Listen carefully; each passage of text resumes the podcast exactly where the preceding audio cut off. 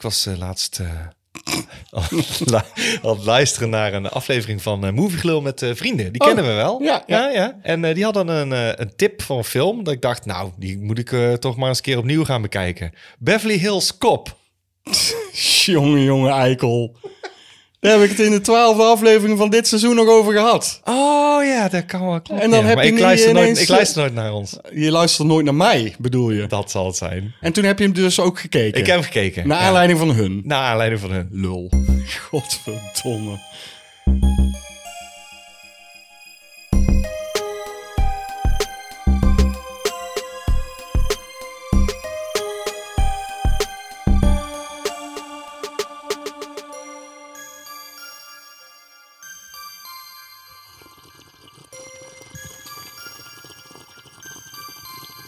Ga je dat ook de hele tijd er doorheen monteren? Nee, maar eh, ik vind het wel lekker om even een keer eh, te slurpen. Dat is een lekker wijntje dit. Het is zeker een lekker wijntje. Want het is de 22e aflevering van het tweede seizoen van Cinepraatjes, de podcast van Cinemaatjes. En dan zijn wij, Jean-Paul Aarns die tegenover mij zit. En William van der Voort, die weer dan op zijn beurt tegenover mij zit. Yes, en ik slurp nog een keer. Dat vond ik leuk om te doen. Ja, ik ook. Doe, doe het mee.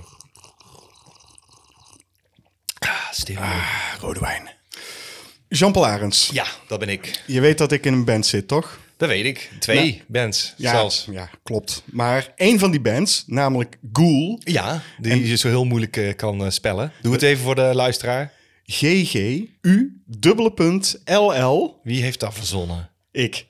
nou, leuk. Komt hier nog een stukje zelfpromotie? Ja, er komt zeker Ja, nog een stukje zelfpromotie. Het is namelijk zo dat onze nieuwe plaat eraan gaat komen, namelijk op 21 oktober.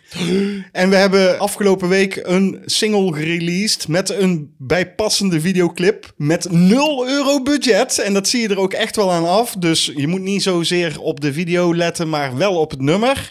Het nummer heet Enkel Achterland. Check dat even op YouTube. Dat wil ik gewoon even gezegd hebben. Oké. Nou, we hebben ook een, eh, een programma genaamd Cinemaatjes. Oh ja. Dat is de enige zelfpromotie die ik kan doen. en, eh, Doe maar en, eens. en deze week eh, gaan we het hebben. eh, Want dan gaan we de oktobermaand in. En daar wil ik dan wel even zeggen. Dat doen we altijd iets speciaals. Vanwege Halloween Vanwege Halloween. hebben wij gekozen Voor? Monsters. Oh. En niet zomaar monsters. Nee, welke dan? De Universal monsters. Nou, heb je toch weer verklapt, hè? ah, verdomme. Hadden we al gedaan, denk ik. Ja, dat denk ik wel. Trouwens, als je dan toch die zelfpromotie wil doen, maak het dan ook even helemaal compleet door te zeggen wat ons YouTube-kanaal is. Oh ja, dat is eh, Dutch Nerd Club slash cinemaatjes. Nee, je doet het weer fout. Ik typ dat toch nooit in, man.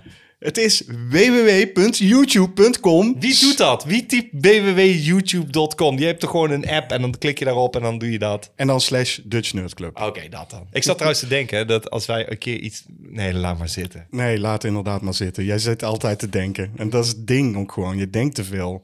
Nee, ik wou zeggen dat... Oh nee, je lult te veel. Nee, Ja, dat is- Ik dacht dat het Monstober... Dat, ik zat er een variatie te maken dat we een keer iets moeten doen met mensen die Ronnie heten. Mhm. En dan we, dan we een Ronnie-tober eh, hebben. Nou, dat gaan we nog doen. Wellicht de volgende Ja. oktobermaand. Moet dan wel aansluiten ook op Halloween weer. Ja, ja, ja. Eh, monsterfilms waar een Ron of een Ronnie in zit. Ja. En dan is het Ronnie Tober. Ronnie Cox bijvoorbeeld. Ja, precies. ja, dat, dat is. Jean-Paul Arends, dit is daadwerkelijk heel erg filmgerelateerd. Ik ben namelijk op een première geweest. Een wereldpremière. Een wereldpremière Ja, notabene. ja, op het Nederlands Filmfestival. Joh. Jazeker, de hypotheker.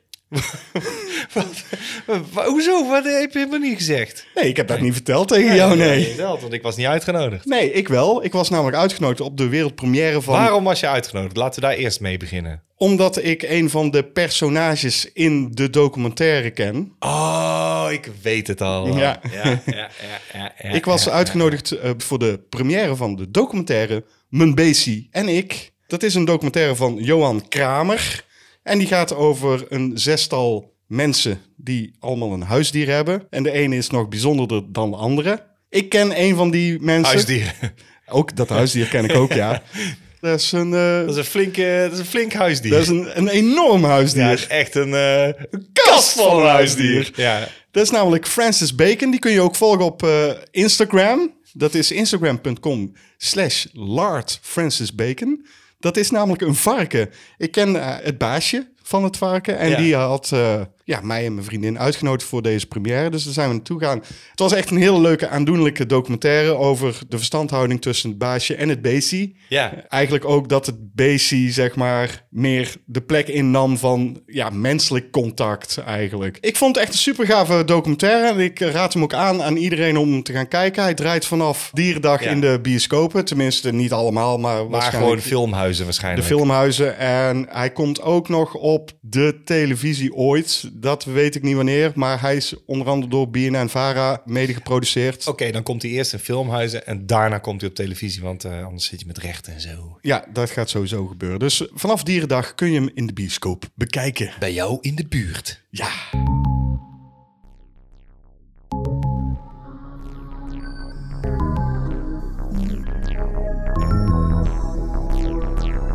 We durven het gewoon geen nieuwsitem meer te noemen. Nee, nee.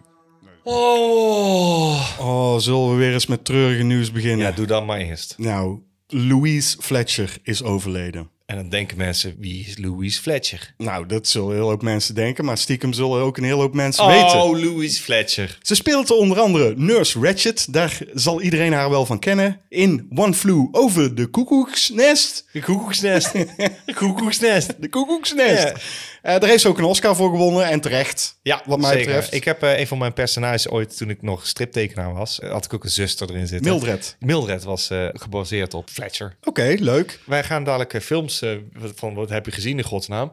Dat is leuk, want eh, in een van die films zit zij toevallig ook. Dat minder niet. Ja, dat, dat is echt heel toevallig. Dus dit, dit is eh, raar dat het dan, ja, dat is dan net voor mijn eh, filmnieuwtje dood moet gaan. Hè? Slaat er nou op.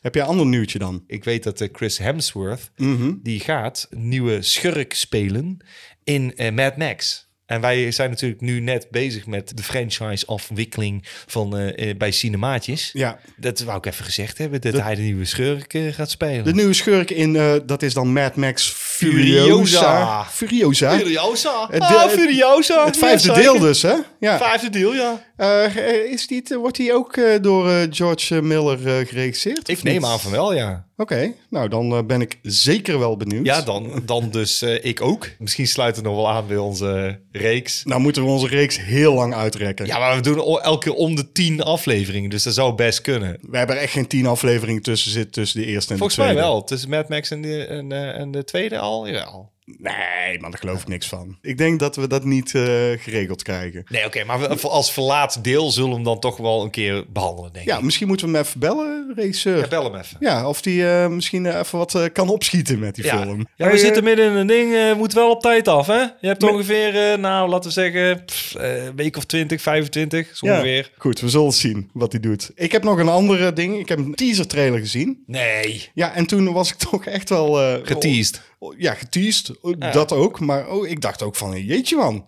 had ik helemaal niet verwacht. Ik heb namelijk de teaser trailer van Maxine gezien. Met Triple X is dat. Oh. Ja, het zegt niet zo heel veel. Je ziet gewoon eigenlijk een, een soort drone shot.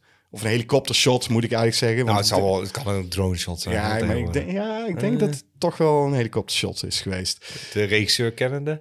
Helikoptershot. Geregisseerd door Ty West. En Ty West is dus bezig met een X-trilogie. Dat wisten wij niet, want Pearl is de prequel van X. En nu komt Maxine erachteraan. Dat hoort dus in die trilogie. Ja. Ik wist niet dat het een trilogie werd. Ik ook niet. Dat heeft hij niet gezegd. Hij, heeft alleen maar... eh, Ja, tuurlijk. Het was bekend dat toen eh, X uitkwam... dat er een Pearl aan zat te komen. Mhm. Dat die twee films tegelijk... maar dat hij er drie...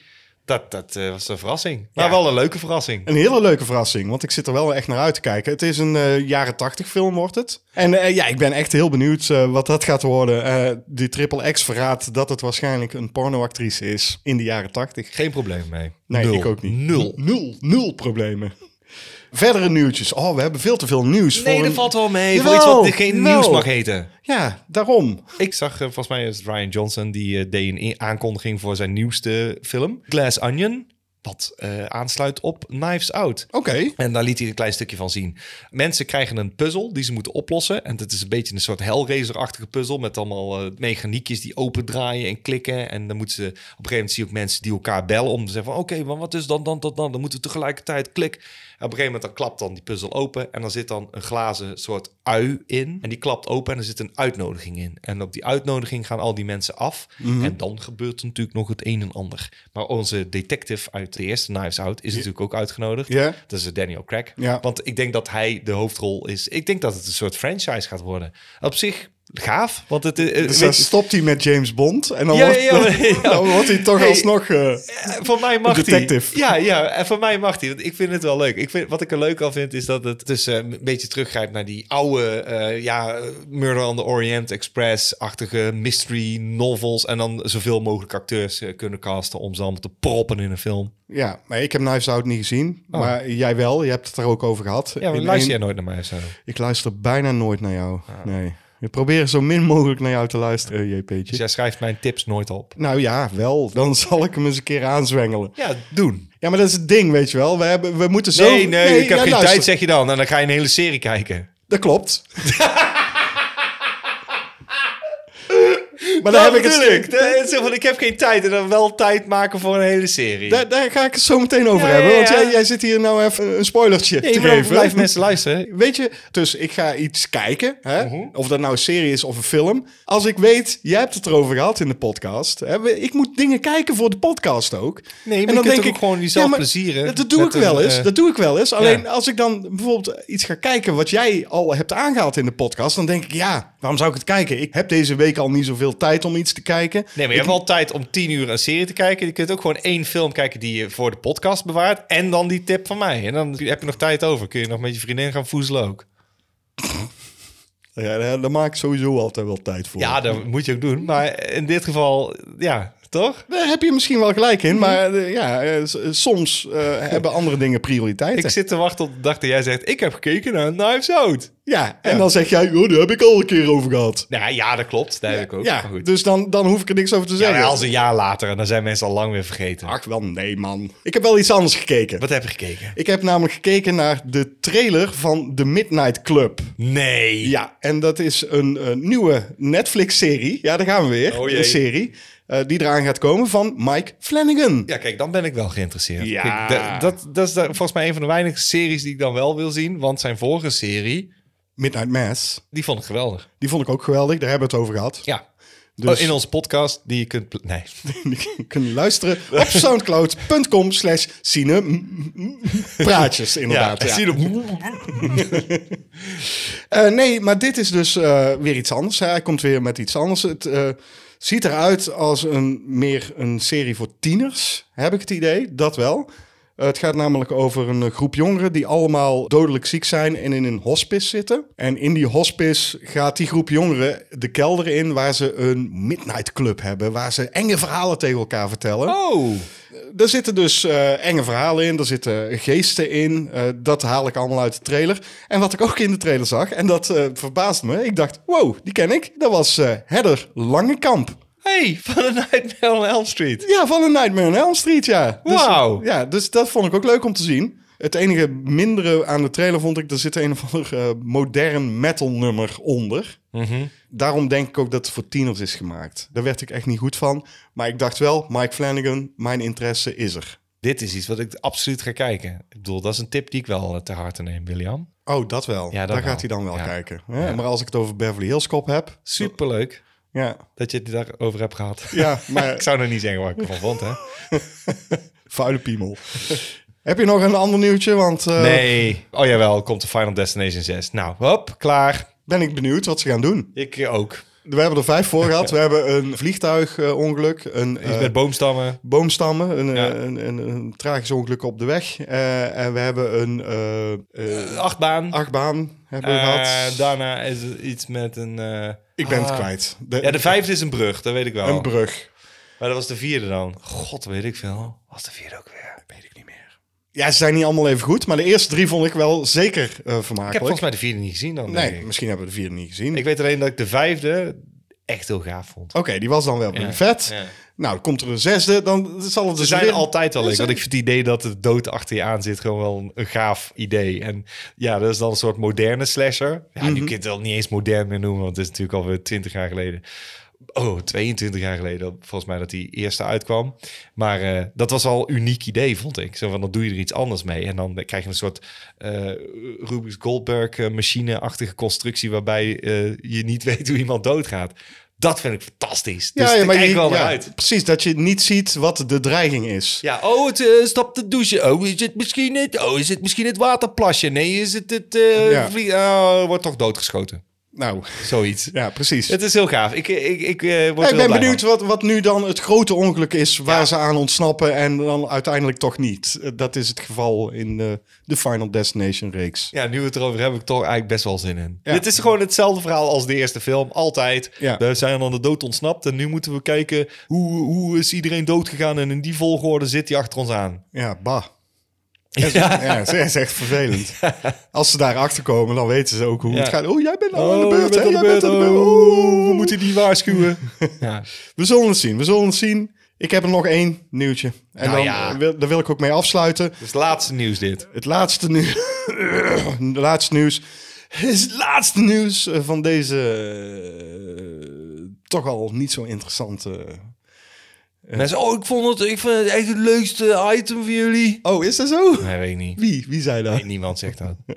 het is namelijk zo, en het slaat een mooi bruggetje, daarom wil ik er ook mee afsluiten. Een bruggetje, net zoals uh, in Final Destination 5. Precies. Oh, nou, er zijn ah, meerdere bruggetjes. Oh, man. Oh, man. Oh, we zijn daar goed in, hè? Segways noemen ze dat in Engeland. Ja. Wist je dat?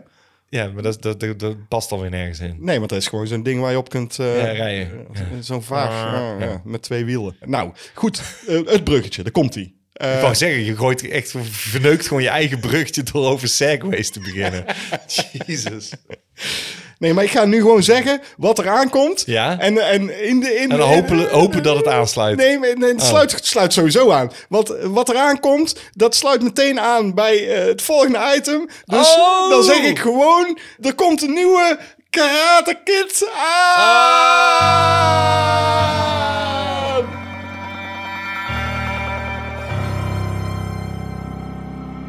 Wat heb je nou in godsnaam weer gezien? Nou, dat sluit dus mooi aan bij Cobra Kai. Ja. Seizoen 5. Ik vind het zo raar. Ik had me voorgenomen, uh, ik wil niet het gras voor je voeten wegmaaien, maar ik wil het toch gezegd hebben, om uh, ook seizoen 4 te kijken. Het is wel op aanraden van jou, maar ik weet je, het is, ik wist niet dat er al een jaar voorbij was, man. Jij zei, ja, ik heb net 5. Wat? Ik heb 4 nog niet eens gezien. Hoe wat? Ja, volgens mij zat er maar 9 maanden tussen. Dan is dat het. Tussen oh, dat zou kunnen. Ja. ja, ik dacht, hè, kan toch geen jaar, hè? Ik denk, ik heb nog wel tijd genoeg, ja. En ik wil het ook echt wel zien, hoor. Dus niet denken van, oh, ik luister niet naar je. Ik wil zeker naar dit seizoen Maar je gaat nu dingen vertellen die ik nog niet weet, denk ik. Ik ga het daarom ook heel kort houden en bondig en zo min mogelijk spoilen. Graag. Maar ik ben toch benieuwd. Ja, dit uh, seizoen gaat uiteraard verder waar het in seizoen 4 eindigde. Miguel is inmiddels op zoek naar zijn vader. Dat weet jij niet, maar dat is zo. In Mexico. En uh, Cobra Kai onder leiding van Terry Silver. Dat weet je misschien ook niet. Als je, nee, dat weet ik allemaal niet dit. Uh, Terry Silver, de, de bad guy uit Karate Kid 3. Die heeft Cobra Kai onder zijn hoede. En die is daar een, een groot imperium van aan het maken. Dat probeert hij in ieder geval. Het breidt zich uit in de Valley. Maar hij wil het over de hele wereld uitbreiden. Chris, dat weet je ook niet, die zit inmiddels in de gevangenis. Ik hoef voor seizoen 4 niet meer te kijken, man. Dit is gewoon een recap. in, principe hoef je dat ook niet. Want je kan gewoon bij 5 beginnen. Het begint ook met een recap. oh. ja, dat begint elk seizoen oh, met een recap. Moet je gewoon doen. Moet, moet je gewoon doen. Ja, nou 4 was ook niet het allerbeste seizoen. Dat moet ik gewoon eerlijk zeggen. Nou, Chris zit in de gevangenis. Johnny probeert zijn leven zonder karate op te pakken. Dat doet hij gewoon, want... het was toch al geen karate, dus... het nee, dat klopt. het is niet zo moeilijk om je leven verder op te pikken. nee, maar het is zo dat uh, door wat er in vier is gebeurd... zijn uh, zowel Johnny en uh, Daniel LaRusso... alle twee gestopt eigenlijk met hun... Lesgeven. Ja, precies. Ja, sen sensei wezen. Nou, Daniel braamt samen met Chosen, dat weet jij ook niet, want die zag je in het einde van uh, seizoen 4 ineens opduiken. Die is Chosen. Chosen is de bad guy uit deel 2 van Karate Kid. dat weet ik wel. Met het, uh, dat is met trommeltje. Dat is met trommeltje. Juist. Die hebben ze opgetrommeld. Die hebben ze opgetrommeld. Daniel heeft hem opgetrommeld om dus Cobra Kai terug te pakken. En dat is eigenlijk het hele eiereten in seizoen 5. En er zitten nog allerlei subplotjes. En dat is ook het ding. Er zijn heel veel subplotjes inmiddels. Waardoor het een, bijna een soort soap... Soap, ja, dat is het in principe ja, ook. het is ook heel erg pulpy. Eh, Nee, ik vind het wel leuk. want Het doet denken aan jaren 80 series. Daar Ja, is het gewoon. ja, en daar word ik blij van. Ja. Oké, maar weet je wat ik dan doe? Dan denk ik dat ik gewoon instap bij seizoen 5. Kan je gewoon doen. Nou ja, kijk, ik zet dat op. En het voelt gewoon als thuiskomen. Meteen alle karakters. Ik heb gewoon iets met die mensen. Gewoon. Omdat ik ze ken. Snap je? je? Ik heb al vier seizoenen in geïnvesteerd. Ik ken ze. Fijn om ze weer te zien. En ik zit er ook meteen gewoon weer in.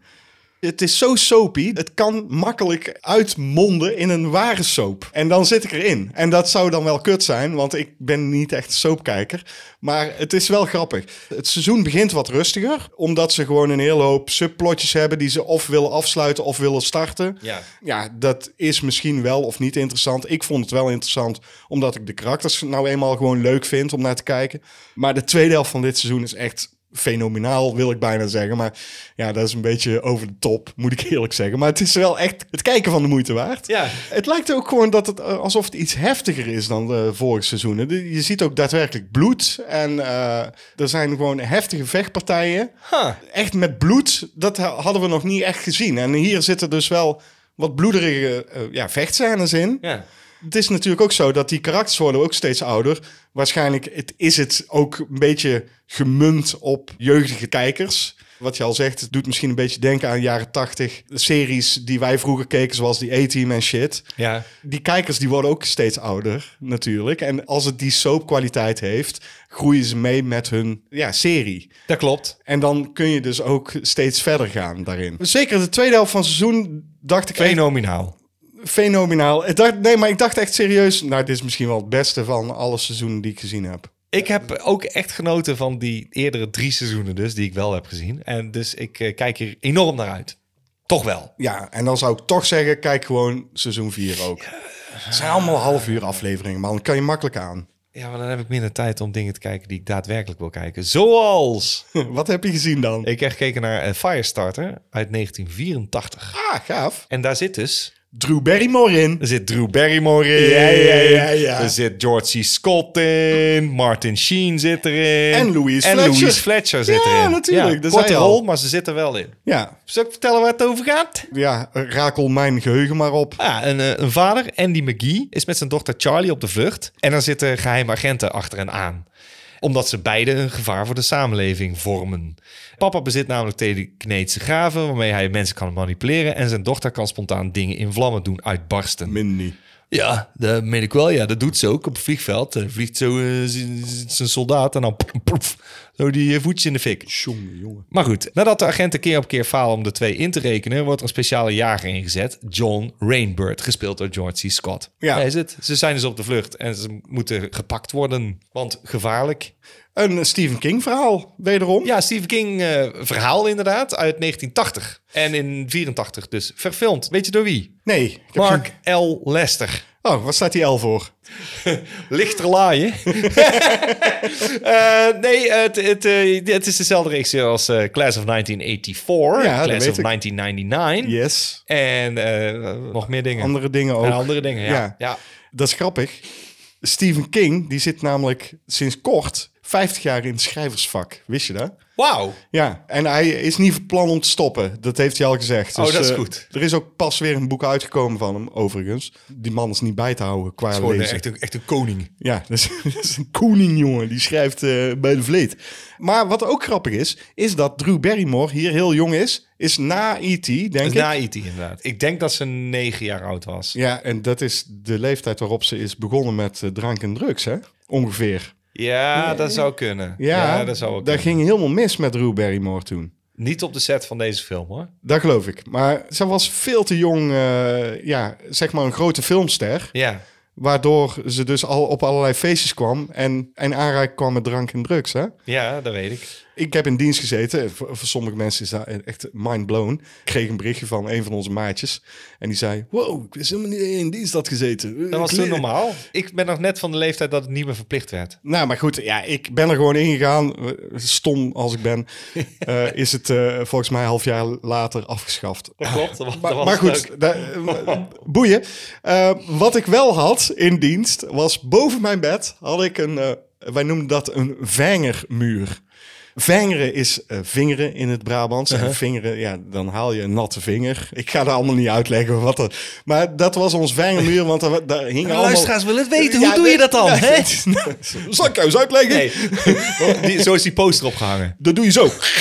En dan... eh, En dan, hang je, het- en dan kun je zo een papier nat maken. En dan kun je papier zo tegen de muur aan plakken. Precies. Ik had heel de plafond vol gevangerd met Ja. allemaal eh, lekkere vrouwen. Maar één van die vrouwen, die sprong eruit, want daar hingen meerdere plaatjes van. En dat was Drew Barrymore. Ik vond haar vroeger echt super geil gewoon. Dat is echt, ik, ik gelde op Drew Barrymore. Hoezo? Ja, dat snap ik ook niet. Ik Nee, vond, ik het is wel een leuke vrouw. Ho, dat begrijp me niet verkeerd. Het is een leuke vrouw. Maar... Het is niet per se heel knap, maar Nee. ik vond haar wel geil. Snap je? Nee, je hond is het er niet eens mee eens. Rommel. Drew Barrymore. Wat vind jij van Drew? eh? Hij is heel verbaasd. Wauw. Ja. Ja, Maar de, de film, blijft die overeind staan? Die in ik 1984? vond van wel. Ik heb wat dingen over opgezocht. Ik was benieuwd of die, hoe trouw die zou zijn aan het boek. Is het, dit is, dit, ja, daar gaat het over. Eh, ze beginnen meteen in de actie. Dus eh, twee zijn op de vlucht. Wordt meteen duidelijk eh, wat ze kunnen. Ja, langzaam wordt het verhaal achtergrondgewijs uitgelegd... omdat je elke keer inzoomt op eh, de... als die vader gaat slapen... Ja. dan krijg je een stukje van... oh, dat is er van tevoren gebeurd. Ik weet Of, er echt niks eh, meer van, joh. Weet je, het is, ik dacht dat ik hem had gezien. En toen dacht ik, oh ja, dat is, op het einde is dat wel heel spectaculair. Het einde is echt heel spectaculair, serieus. Dat ik dacht, wauw, heel veel stunts, heel veel pyrotechnics eh, komen eraan te pas. Want een firestarter natuurlijk. Ja. Zij kan dingen met vuur, maar ook als er op haar geschoten wordt, dan zie je die kogels eh, exploderen. En zo, wow, dat is vet gedaan. Ja. Ze kan vuurballen gooien, echt van die. En er zijn echt enorme grote vuurballen die waarschijnlijk aan touwtjes gespannen door de bomen, zie je die gewoon eh, richting een huis eh, knallen. Het, het- het- ze blazen een hele hoop op. Ik zat alleen maar te denken van wow man. Nou oké, Mark L. Lesser heeft natuurlijk Commando ook gedaan. Ja. Juist. Oh ja. Ja, Ja. dus het einde was echt heel spectaculair. Dat- Met kartonnen... Nee, nee, nee. Met kartonnen huis die opblies. Nee, nee, nee. Dit zag, dit zag echt allemaal heel erg acceptabel uit. Niet normaal. Ik vond het een vermakelijke film. Ik vond het niet een hele, hele sterke film. Want daar is het verhaal te, te slap voor. Maar het is wel een, eh, een leuke zondagmiddagfilm, denk ik. Oké, en dan vraag ik me af, hè, wat vond je van de remake van The Prodigy? Ja, nou, ik wou net zeggen, ik heb eh, gekeken naar eh, Firestarter. Niet. Uit 2022. Weet je waar die over gaat? een vader, Andy McGee, is met zijn dochter Charlie op de vlucht. Er zit een geheime agent achter hem aan. Lalalala, zelfde verhaal. Maar stommer verteld. Echt serieus van, hoezo? Oké, dit is het ding. Er zijn een paar dingen die ik kwijt wil over dit eh, geheel. Het was niet een succes, eh, de 1984 Firestarter. Niet helemaal terecht, want het is gewoon een prima film. Het is ook gewoon goed verteld. Mark. Les was ook boos. Hij stelde bijvoorbeeld bepaalde dingen voor om het te doen. Van als, als hij krachten krijgt, dan gaan die haren wapperen, weet je wel. Ja, ja, Met, ja dat herinner ik ja, dat was een Ja. suggestie van, eh, eh, volgens mij zelfs, zal ik dat doen? En toen zei Stephen King, ja, dat is gaaf, dat is gaaf, dat moet je doen. En later heeft hij die, ja, nee, dat is echt heel stom dat ze dat hebben gedaan. Dat, en toen zei Mark Les, het was zijn idee. Was zijn idee. Hij zei, Ja. er zijn meerdere dingen zijn idee. En dan, dan loopt hij, loopt hij het, eh, zijn, anders ga je gewoon je eigen film maken. Daar hebben we het al over Ja, gehad. dat klopt, maar- Stephen King moet zich niet bemoeien met de, moet hij absoluut niet. re- regie van een film, Nee, dat is van zijn boeken. Ja, nee, maar goed, de remake dus. De remake is, oh man, man, man. Veel Het is- CGI, gok ik. Nee, dat valt wel mee. Oké. Nee, de film eh, is chaotischer verteld. Je hebt ook nog eens een keer Zac Efron. Die speelt de vader. Die Dat is eerste... geen vader. Nee, in de eerste film is het David Keith. En dat is een charmante kerel. Mhm. Ja, Lijkt een vaderfiguur. Ja, ja, ja, dat is het. Dat is heel goed gezegd. Eh, Een vaderfiguur. Want Ja. hij doet een beetje denken aan Kurt Russell. Zo'n hoofd heeft hij. Zo'n pa wil je hebben. En dat komt ook helemaal over. Dat is Zac Efron niet. Die is wat norser. En dat werkt niet. En die wil ook zijn kind geen eh, gaven leren. Want dat vindt hij allemaal maar gevaarlijk. In de 84-versie worden ze op een gegeven moment alle twee opgepakt. En dan is van, eh, jij krijgt je vader pas te zien als je je krachten laat zien. En dat weigert zij pertinent. En die vader die eh, raakt aan drugs verslaafd omdat ze die krachten proberen te temperen. Die is helemaal aan de drugs dan. Dat zit allemaal in die eerste film ook. Zit allemaal niet in eh, de nieuwe film. In de nieuwe film wordt, dus, eh, wordt alleen die vader op een gegeven moment gevangen. En dan moet zij de vader gaan redden. Dan leert ze zichzelf in de bossen die krachten aan. En dan zegt ze op een gegeven moment... De... Dat is ook niet in het boek zo geschreven. Nee, absoluut niet. Dit is gewoon voor de film. Maar wat, wat ik wil zeggen is... Dan zegt ze dus op een gegeven moment... I'm coming, daddy.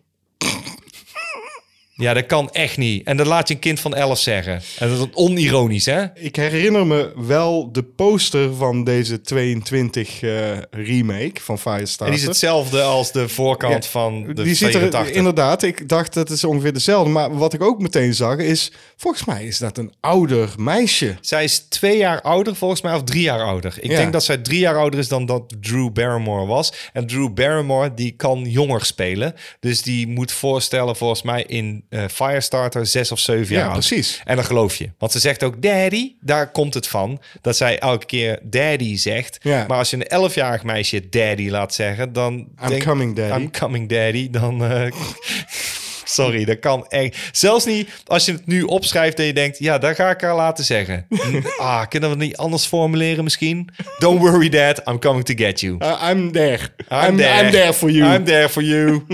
Ja, er zitten hele rare fouten in. Eh, het, het eindigt anders. Het- ik weet niet wat ze dachten. En ik weet ook niet waarom je dit zou doen. Want de 1984 eh, film eh, is niet een succes geweest. En dan is het van, hebben we dit nog liggen? Kunnen we dit doen? Het is een Blumhouse-productie. Ja. het is echt een aanfluiting. Hit en ik. mis altijd, toch? Ja, zelfs de finale, die dus heel spectaculair is in de 1984-versie, is echt slap in de... Volgens mij gooit ze vier keer met vuur of zo en daar is het. Je moet ook niet met vuur gooien. Ja, dat moet je zeker niet doen. Nee, het was echt... eh, nee, eh, eh, nee, dat was gewoon een Maar ja, dat is, dat is ding... mislukking. Ja, maar dat zeggen wij al vaker. Je hoeft niet iets te remaken wat in principe al goed genoeg is. En wat ik begrijp uit jouw verhaal is dat Firestarter uit 84 goed genoeg is. Is goed genoeg. Je vertelt heel het verhaal wat je wil weten. Nee, het is gewoon stom. Waarom? Het is gewoon nutteloos. Kijk, maar dan, nutteloos, dat dan, was dat is. dan ga ik dus liever mijn tijd investeren in een serie van 10 uur... dan dat ik een remake van een film die toch al goed genoeg was ga kijken. En dat Ik doe jij dus. vergelijk eh, maken. En dan ben je ook twee uur kwijt. Nee, ja, dat valt mee. Het was anderhalf uur. Ze waren alle twee even lang overigens. 1 uur en 35 minuten. Precies even lang. Ja, dat is misschien het enige pluspuntje. Ze waren, ja, ze waren volgens mij alle twee even lang. Nou, dan zal ik maar zeggen dat ik inderdaad 10 uur heb geïnvesteerd. Godverdomme. Iets minder, om eerlijk te zijn. In een nieuwe serie op Netflix, namelijk Damer. Met als ondertitel Monster, de Jeffrey Dahmer Story. Dat eh, zag ik langskomen en ik dacht, ja man, dan moet ik meteen kijken. In deze Netflix-serie, dat zei ik al net, volg je vooral vanuit het oogpunt van een van Amerika's meest beruchte seriemoordenaars, namelijk Jeffrey Dahmer. Het verhaal achter zijn moorden, de incompetentie van de politie en de levens van de mensen in zijn omgeving, zijn slachtoffers en hun nabestaanden. That's it, meer hoef ik er niet over te zeggen. Nou, dat is dus verteld in een serie van 10 afleveringen. True crime, dan heb je mij al. Wat dat betreft ben je gewoon net een wijf. Ja, ik, ik hou daarvan. Ik hou Ja. daarvan. En dit is natuurlijk een dramaserie. Dit is dus gedramatiseerd. Maar deze dramaserie was ik ook al in geïnteresseerd. Netflix heeft er al vaker gedaan. Ze hebben ook een serie gemaakt over Ted Bundy bijvoorbeeld. Ja. Nou, vond ik minder interessant. Niet omdat het verhaal niet interessant is, Nee. maar omdat die serie gewoon niet zo gaaf is. Want deze serie is fucking vet. Ik ben dus meteen gaan kijken, in drie dagen gebingewatcht. Ga ik jou gewoon meteen zeggen. Meteen vanaf aflevering 1 word je er ingezogen. Dat is echt super spannend. Het begint eigenlijk op het einde, waar hij wordt opgepakt. Uh, daar zit echt zo'n fucking creepy sfeertje in. Dat is allemaal toe te schrijven aan Evan Peters, die Jeffrey Dahmer speelt. Ja. Die zet hier een ijzersterke dame neer, wat mij betreft. IJzeren dame. IJzeren Damer. Nee, het is echt gewoon fantastisch. En, maar niet alleen zijn acteerprestaties geweldig. Het is echt, iedereen speelt fantastisch. En ze zijn ook allemaal super geloofwaardig neergezet. Het mooie van deze serie is dat de karakters allemaal iets hebben waardoor je met ze mee gaat leven. Dat is met Damer, onder andere. Maar niet op een manier dat je denkt van, ik kan me vinden in wat hij doet. Nee. Maar je, je leeft wel met hem mee. Je denkt wel van, ah shit. Ja, je krijgt wel een beetje begrip voor, weet je wel? op, Ja. een bepaalde manier. Ook Op al, een bepaalde manier, ja. ja. En je hebt natuurlijk al eerder een graphic novel van hem gelezen. Ja, eh, My, Friend, Damer. Zitten Ja. daar eh, overeenkomsten in in deze serie? Ik denk dat ze alles hebben bekeken wat ze konden vinden van hem. Dus ze hebben niks eh, bij verzonnen van... eh, de, dus ze, de slachtoffers die er gemaakt worden... zijn wel de slachtoffers die in het echt eh, zijn gemaakt. Zeg ja, maar. Ja, nou, ja, wat ik wel weet is dat er een bepaald aantal eh, nabestaanden niet wilden meewerken aan deze serie.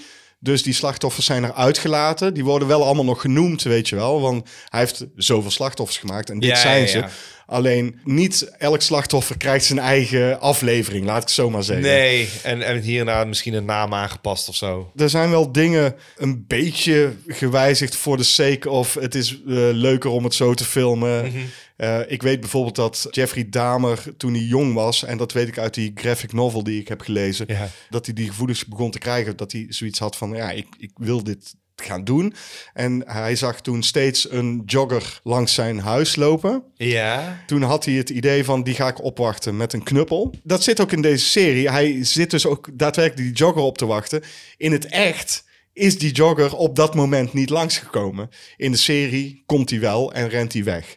Dus ze hebben wat dingen gewijzigd, maar niet zodanig dat je zoiets hebt van, nou, het is helemaal niet trouw aan hoe het allemaal echt is. Want als je gaat kijken, ook naar het productiedesign, eh, zijn appartement, daar zijn natuurlijk ook beelden van. Ja. Dit is gewoon bijna twee druppels water met eh, hoe het in de serie eruit ziet. Het is echt fantastisch gedaan, gewoon alles. Dat huis waar hij woont, zijn ouderlijk huis, fantastisch. Het ziet er gewoon uit zoals het is gewoon. En Ja. ja, hij zelf eh, lijkt ook best wel op Dahmer. Ja, ik ben best wel benieuwd hoor. Ik heb een trailer ervan gezien en toen dacht ik, dat ziet er eigenlijk wel heel interessant uit. Dus eh, als ik eh, een keer eh, tien uur, tien afleveringen, is wel veel hoor. Nou, het ging echt voorbij als een dolle. ja, maar ik vind het dus zit- ook, ze doen dit ook als het true crime, echt gewoon zo'n documentaire. Zo. En hier zijn zes afleveringen. Hoezo? Waarom vertel het niet gewoon in anderhalf uur? Nou, dan wil ik toch hier voor in de bres springen. Want ik vond wel dat dit die tien afleveringen verdiende. Omdat ze zo diep in de karakters gaan. En niet alleen in Damer, in alle karakters. Alles,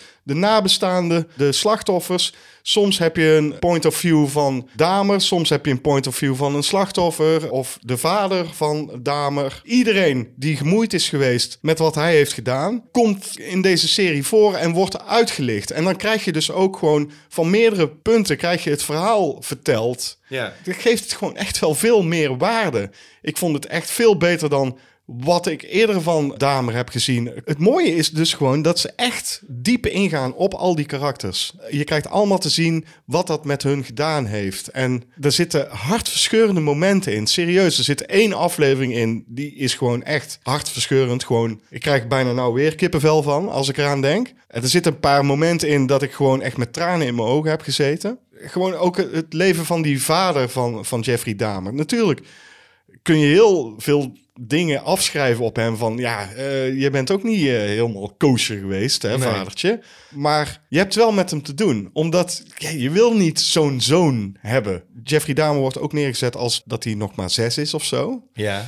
Dus dan heb je een jongere vader en je hebt een oudere vader. En Ja. ik zat echt zo te kijken. Ik denk, zou dit nou deepfake zijn? Of is dit gewoon een andere acteur? En de- ja, ik heb dat natuurlijk opgezocht. Het is een andere acteur. Ik dacht, man, dat is gewoon zo goed gecast. Die vader, jong en oud. Gewoon, Ik hou wel van als dat ze het niet eh, eh, hebben gediepfaked. En dat ze dus gewoon echt op de ouderwetse manier een goed gelijkende acteur hebben gevonden. Dat Ja, klinkt, maar klinkt goed. meteen goed. Ik twijfelde een beetje eraan, omdat ik dacht van... hij lijkt er zo erg op. Ja. Zouden ze het gediepfaked hebben? En dan is deepfake wel echt eh, top-notch inmiddels. Maar goed, dat was dus niet. Ook iets over de casting. Op een gegeven moment kwam ik erachter van... Hè, die, die vader heeft een nieuwe vriendin, weet je wel. En dan dacht ik van... Wow, fucking bekend gezicht. En toen in één keer dacht ik... Oh ja, shit, ik weet wie het is. Molly Ringwald. Oh ja, ik weet wie. eh, de Breakfast Club. Ja, precies. En de, de hoogtijdagen uit, uit de jaren tachtig. Ik vond het zo leuk om haar weer te 16 zien. Candles. Ja, ze speelde echt goed ook gewoon. Ja, ik heb wel gezien dat zij voorbij kwam, dus ik was het weer vergeten. Oh ja, ik ben nou toch eigenlijk best wel eh, nieuwsgierig. Wat je heel goed voelt in deze serie is dat alles met respect is behandeld. Alle mensen die hierdoor zijn geraakt, hebben ze met respect behandeld. Dit is gewoon echt heel goed gedaan. Gewoon. Ik, ik kan, als je het cinematografisch ook, weet je wel. eh, eh, kleurpalet is fantastisch. De muziek, de score die gebruikt wordt, maakt allemaal de sfeer. Het is een beetje een Mindhunter vibeje zit eraan. Oh, dat... dat eh, ja, oké. Wat ja. op zich een hele goede serie is, maar ik vond dit beter. Omdat dit gewoon één ding... En afgemaakt, wou ik zeggen. Ja. Ja, het is afgemaakt. Uiteraard, het is afgemaakt. Het hele Ja. verhaal van Dame wordt verteld. Ik ben ook dingen na gaan kijken. Bijvoorbeeld, er zitten ook natuurlijk rechtbankscènes in. Die ben ik ook gewoon na gaan kijken. Er zijn, er zijn gewoon daadwerkelijk beelden van op YouTube. Van Ja, de, echte kleding, alles klopt gewoon. En dat is... ah, Ja, ik denk gewoon, gaaf. Eh, wat ook gaaf is, er worden nog een aantal andere eh, serial killers opgegooid. Er wordt tegen Jeffrey Dahmer gezegd, ja, er is een soortgelijke uh, seriemoordenaar geweest in 1957. We kunnen dat aanhalen en dan kunnen we misschien in de rechtbank dat ook aanhalen. En dan kunnen we zorgen dat jij geen doodstraf krijgt of geen levenslang of ja, ja, ja. zoiets. Dat halen ze dan aan, maar dan laten ze ook dingen zien. Dus dat gaat over Ed Gein. En dat laten ze ook zien. Daar hebben ze ook gefilmd. Er wordt ook John Wayne Gacy ook gefilmd, weet je wel. Oh, nou ben ik toch echt wel heel Een paar benieuwd. scènes dat ik dacht van, oké. Ze, zij hebben de moeite genomen om dit daadwerkelijk te filmen. Ja, en misschien hebben ze dat ook daadwerkelijk gedaan met in hun achterhoofd van... als dit goed wordt ontvangen, kan kunnen een we, franchise worden. krijgen we meerdere van dit soort goede serial killer series. Wat mij betreft echt een aanrader. Het is echt fantastisch, JP. Maar eh, je hebt ook nog iets gezien, toch? Ik heb nog iets gekeken, ja. Wij waren naar de bioscoop geweest en hebben Nope gekeken. En er zat een trailer van tevoren. En we zaten een beetje... Volgens mij was, werd er al een beetje ge- gegiebeld in de zaal. Maar dat was een film waarvan ik dacht... Ja, die wil ik eigenlijk wel zien. Fall heb ik gekeken. Oké, herfst. Ja, het gaat over de herfst. Nee, we weten allemaal welke... Of nee, ik, ik weet welke je bedoelt. Dat is met die enorme toren Ja. waar ze in klimmen. Ja, dat, dat is ook eigenlijk het verhaal. Becky en Hunter beklimmen een berg. Daar begint de film mee. Waarbij de man van Becky te pletter valt. En bijna een jaar later, eh, Becky is een alcoholiste en haar vader maakt zich zorgen. Dan komt eh, Hunter bij haar langs met een plan om haar uit haar roest te trekken. Ze gaan een roestige verlaten radiotoren beklimmen en die radiotoren is 610 meter hoog. En als ze bijna boven zijn, breekt de ladder af. Ja, ik weet die eh, trailer nog. Dat was wel eh, nagelbijtend eh, spannend. Serieus, dat was het ook. Want wat ze hebben gedaan is... Oké, ik zat de film te kijken, want ik dacht eigenlijk, dit wordt een kutfilm. Ja. Tenminste, ik had zoiets van, dit kan, dit kan echt... eh, want het is van dezelfde makers als eh 47 Meters Down. En dat vond ik matig. Dat ik, ja, het is eigenlijk gewoon hetzelfde, maar dan andersom. Ja. We doen het niet meer onder water, we gaan nu de lucht in.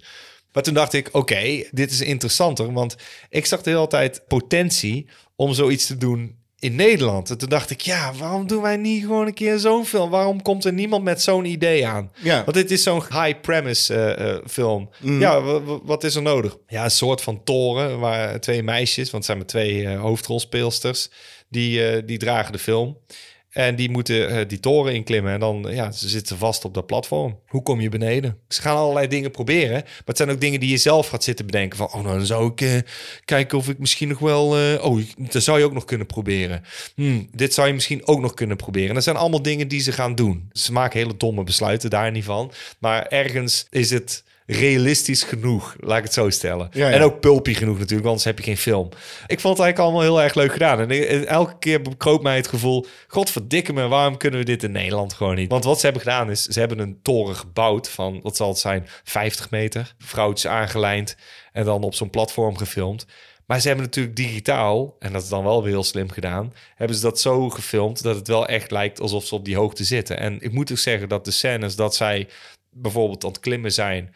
En op een gegeven moment de camera draait mee, dan krijg je echt vertigo. Zo, wow. Ja, ja, hoogtevrees, Dat is- Ja, ja. je krijgt echt een uh, hoogtevrees eh, momentje van... Oh, dit is wel heel fucked up, man. Ja. Of hoe hou je vast aan die ladder? Ja, dat dus. En dat is heel goed gedaan. Op een gegeven moment gaat het natuurlijk voor de foto... gaat zij ook hangen aan zo'n platformpje met één arm... eh, terwijl die andere het aan het filmen is. En denk je, doe dat nou niet... Ik heb nergens het idee eh, gehad dat het heel erg greenscreen was. Het, is vast gebruikt.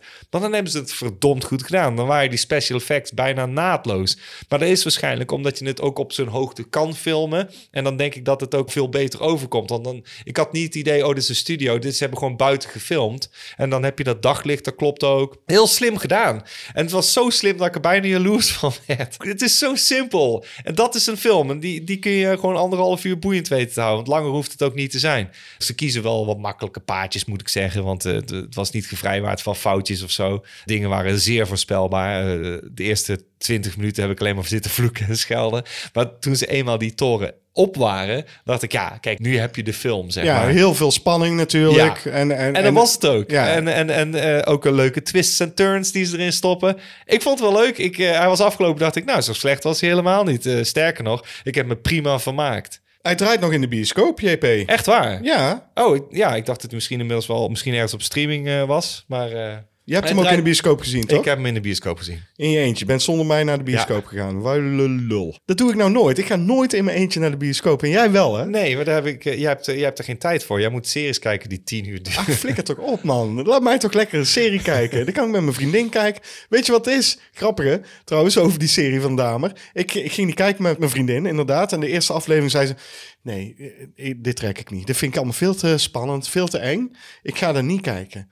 En toen was ik de tweede aflevering gaan kijken. En bij de derde aflevering zei ik... Ik ga hem weer aanzetten. Ja, nou, had ik hem aangezet. Ik ga wel een boekje lezen. Nou, zij een boekje lezen. Op een gegeven moment zag ik haar gewoon zo kijken, meekijken. Ik zeg, zit je nou mee te kijken? Ja, ik zit mee te kijken. Oh, zal ik dan gewoon het geluid aanzetten? Want ik doe dat dan altijd met mijn koptelefoon als zij zit te lezen. Eh, Heeft ze gewoon fucking serie mee zitten kijken?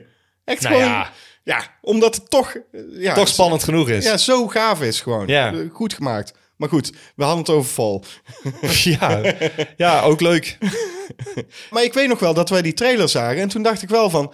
Oh, maar dit kan best interessant zijn. Het kan best spannend zijn. Ik heb ook best wel last van een hoogtevrees. Ja, ja, ja. Dus ik kan dit echt wel spannend vinden. En zo'n simpel verhaaltje... dan kun je gewoon even je gedachten op nul zetten... en gewoon kijken. Dat is ook wel eens fijn. Dat je niet per se hoeft na te denken als je iets zit te kijken. Nee, dat had ik dus ook. Ik heb me prima vermaakt. Hij was afgelopen en ik dacht, ja, zo kan het dus.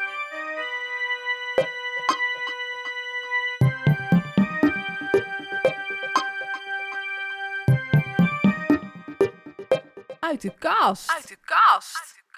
Wat heb je uit de kast getrokken? Laat eens zien. Oh, hij houdt het echt heel spannend. Hij heeft er gewoon een doekje overheen gelegd. Daar gaat hij. Night of the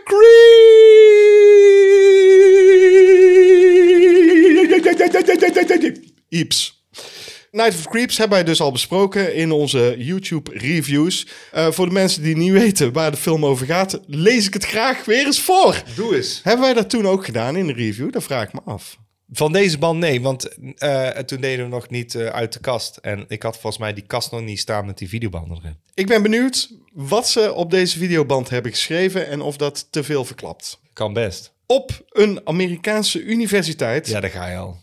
Dat is te veel. Dat is te veel. Ja, dan weet je Dan al. weet ik al dat het ja, op universiteit is. Met high school studenten weet je dan Ah, al. dan kun je het al invullen. Ja. Ja. Nou, moet ik nog verder lezen? nou, doe maar wel. Spoiler warning dan, hè? Ja, oké. Daar dus. Ja? Gebeuren plotseling hele vreemde dingen. Een professor en enkele meisjesstudenten Oké. Ik, ik ben een en al hoor. Waarom hebben ze het niet gewoon Studentes. studentes opgeschreven? Maar goed. Eh, worden op een afschuwelijke wijze om het leven gebracht. Dat kan ik me niet herinneren. Dat is helemaal niet waar. Sorry dat ik het zeg hoor, maar ik kan me dit niet herinneren. Dat is helemaal niet waar. Is dit Night of the Creeps? Ja, dat is wel ik, Night of the Creeps. Ik eh, lees even door. Levende doden, dat klopt wel. Nee, ja. Waaruit kleine slakachtige wezentjes tevoorschijn schieten. Klopt. Klopt ook. Vallen mensen aan. Dat zit er ook in. Dat kun je kloppend noemen. Zijn het buitenaardse wezens? Ja. Of- het antwoord. Niet zeggen. Nou, nou, nou ben je echt aan het spoilen. Of is het de reïncarnatie van een moordende psychopaat? Ja, is het ja, is ook, is ook weer ja, zonder spoilers. Die in deze omgeving 20 jaar geleden verdween.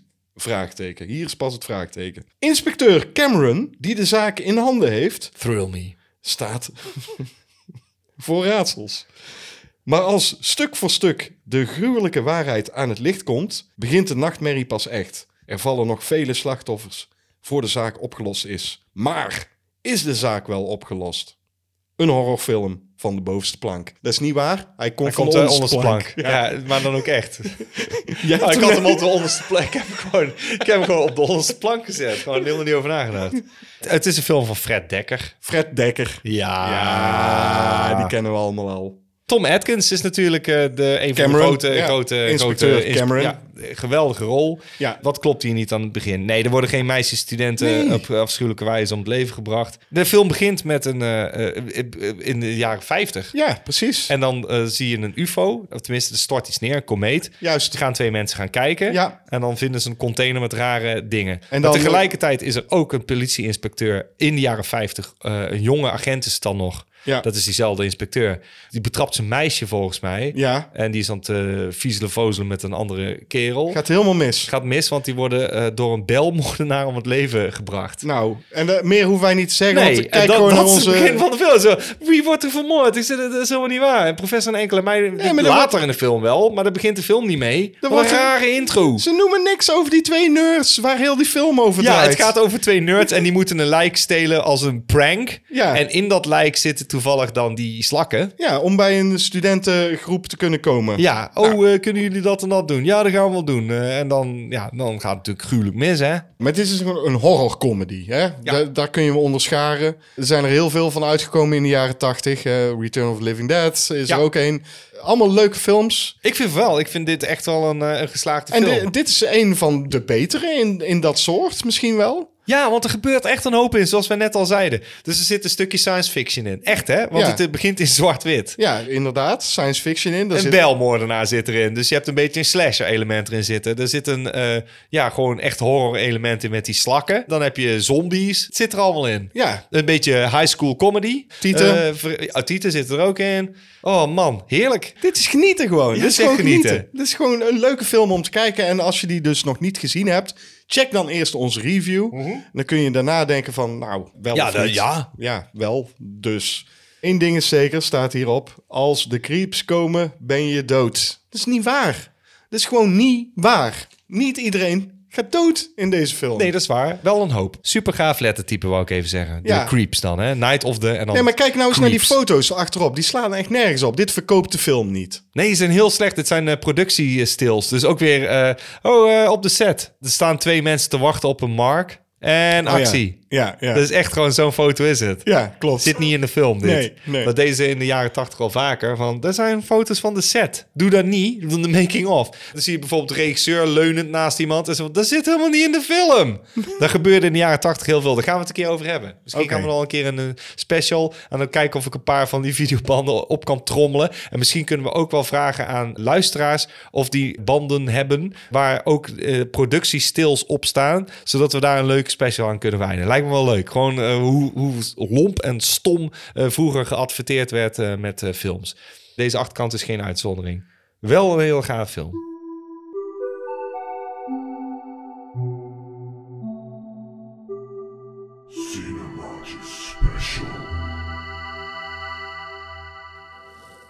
Niet doen.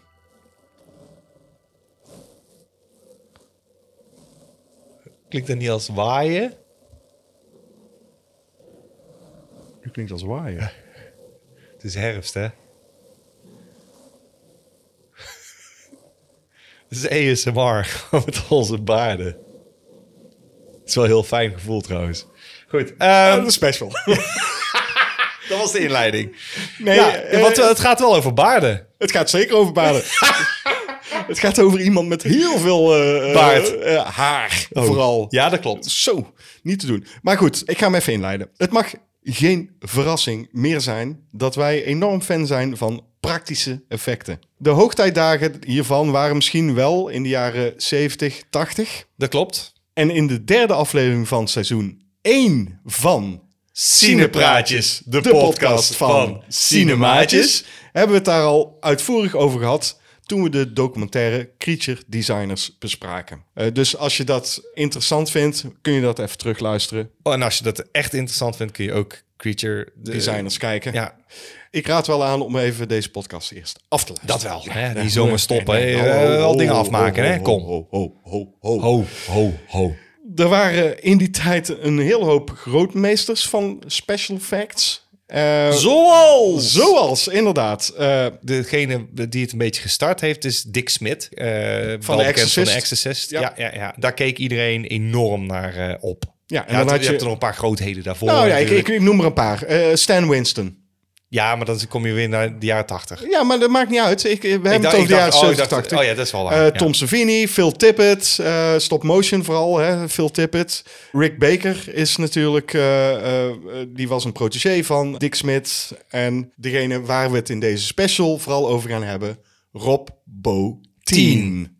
Wij zijn bevoorrecht, JP, dat wij onze tienerjaren in de jaren 80 hebben Ja, zeker. Want we hebben heel die opkomst en ondergang in principe eh, meegemaakt van special effects die praktisch zijn. Dat betekent dus gewoon dat je ze daadwerkelijk maakt. Even voor de jonge luisteraar die denkt, oh, ze trekken het uit de computer. Kon niet vroeger, dus dan moest je het maken en bedenken hoe je dat ging maken. Oh, de, iemand verandert in een weerwolf. Hoe gaan we dat doen? Nou, vroeger was het heel simpel. als van, auw, en dan eh, ging je een shot verder.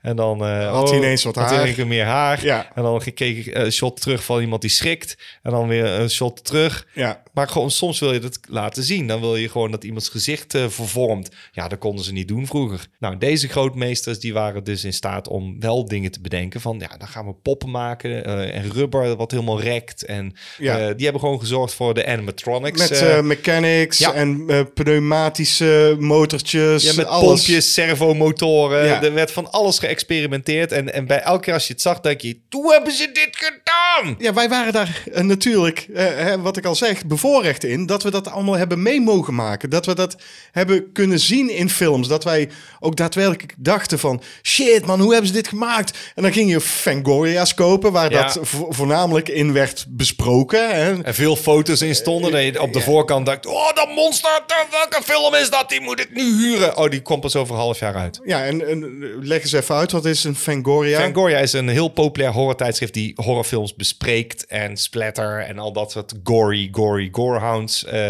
aanspreekt. Voor de horrorliefhebber was dat het tijdschrift van, oh, welke films komen eruit? Welke regisseurs staan erin? Dan- gaan ze weer een retrospectief over bijvoorbeeld John Carpenter of dan kwam er weer eh, een interview met Robert England van Freddy en oh, die, eh, komt er een nieuwe Nightmare on Elm Street uit? Cool. Nou, Fangoria had er natuurlijk 20 pagina's met foto's op de set, hoe ze de special effects hebben gedaan. Precies. Phantasm hebben ze ook besproken. En denk je, oh, dit wordt vet. Oh, gaat er iemand smelten. Hoe hebben ze dit gedaan? En het zag er keismerig uit. Maar het mooie daarvan was dat het ook altijd veel... Ja, weet je wel, het, het, het, het wakkerde allerlei dingen aan. Waaronder dus de voorliefde voor special effects. Ja. Ook al zaten die special effects misschien maar drie seconden in de film... daar keek je naar uit, want je had de foto's al gezien in Fangoria. Ja, er waren een hoop eh, horrorfilms waarvan je dacht van... Nou, misschien niet de allerbeste film... maar godverdomme, die special effects waren Ja. vet, man. Dat onthoud je dan van zo'n film. En we hebben er ook behoorlijk wat besproken natuurlijk... eh, als cinemaatjes op eh, youtube.com slash Dutch Nerd Club. Mhm. waarvan we dachten, ja, dit is helemaal niet zo'n bijzondere film... maar die special effects van Tom Savini waren wel enorm vet Ja. om te zien. Die special effects, die bleven je bij. En nu tegenwoordig word je dus doodgegooid met CGI. Alles wordt uit de computer getrokken. En het is helemaal niet meer bijzonder. Er is niks gemaakt. Je hebt er niks aan over. Ja, iemand heeft misschien ook een bestandje op zijn computer staan. Waarin je kunt zien hoe dat is gedaan. Ja. Maar, maar er is niks tastbaars meer. En die special effects uit de jaren 70, 80. Die bestaan sommige nog wel. Hè? Nee, er zijn- Niet zijn allemaal er- natuurlijk, want sommige zijn bijvoorbeeld de vergaan. Gremlins en Ja. Mogwai, eh, dus, dus Gizmo, die kun je gewoon bekijken. Daar zijn nog poppen van te vinden. Eh ja, Gremlins sowieso, daar zijn nog poppen van. Maar veel dingen uit de jaren 80, al al is het make-up. Hè? Dus als iemand bijvoorbeeld... eh, nou, nou, laten we een Freddy nemen als voorbeeld. Het hoofd van eh, Robert England is natuurlijk afgegoten. Dus daar is een, eh, er is een afgietsel van gemaakt. Ja. En eh, daar is make-up op gemaakt. Uiteraard eh, zijn die er nog. En die afgietsels zijn er ook nog. Want dat moest je doen. Je moest een gipsafdruk maken van iemands hoofd. Nou, dan eh alginaat op iemands gezicht. Eh, jij hebt het ook een keer moeten doen voor woensdag. Ja. Dus een afdruk gemaakt van jouw hoofd.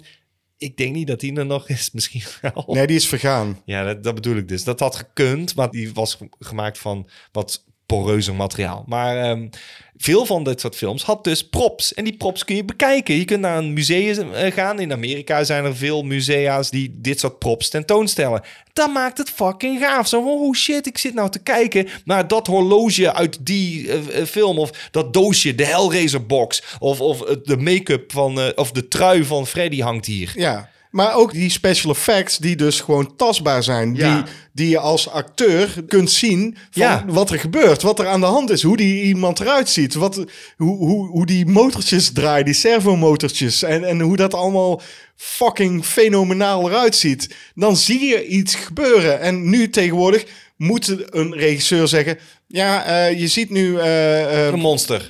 ja, er, er komt een monster aan. En je Eh, merkt het ook echt in de performances van de acteurs, want die zijn wat die reageren gewoon veel kalmer. Oh ja, oh ja. Ja, waar ik dus helemaal debiel van word als je nu behind the scenes filmpjes kijkt van films die tegenwoordig gemaakt worden.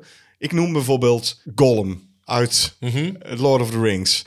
Vroeger zouden ze een acteur hebben gekozen waar die Hele prosthetics... grote ogen. Nee, nou, waar die prosthetics goed op zouden kunnen. Ja. eh, hè, dus waarschijnlijk een heel mager acteursje die gewoon een golem kan spelen. En nu zie je gewoon, als je nu terug gaat kijken van hoe is hoe- ja, de behind the scenes eh, van Gollum, hoe dat gefilmd is, dan zie je gewoon een gast in een groen pak. Met Ja, een paar stippen op zijn... met, Ja. met een paar stippen op zijn hoofd, met, met een camera aan zijn hoofd vast. Die, Ja. En dan denk ik, ja, kom op man, doe eens wat moeite. Ja, dat, dat, dat idee heb ik ook. En ik snap Nou, wel... nou is Lord of the Rings niet per se een goed voorbeeld. Nee, want er zitten best wel wat goede practical effects in natuurlijk. Dat klopt. Ze hebben, ze hebben bigatures gebruikt en zo. En alleen maar bij Lord of the Rings. Want als je dan toch aanhaalt...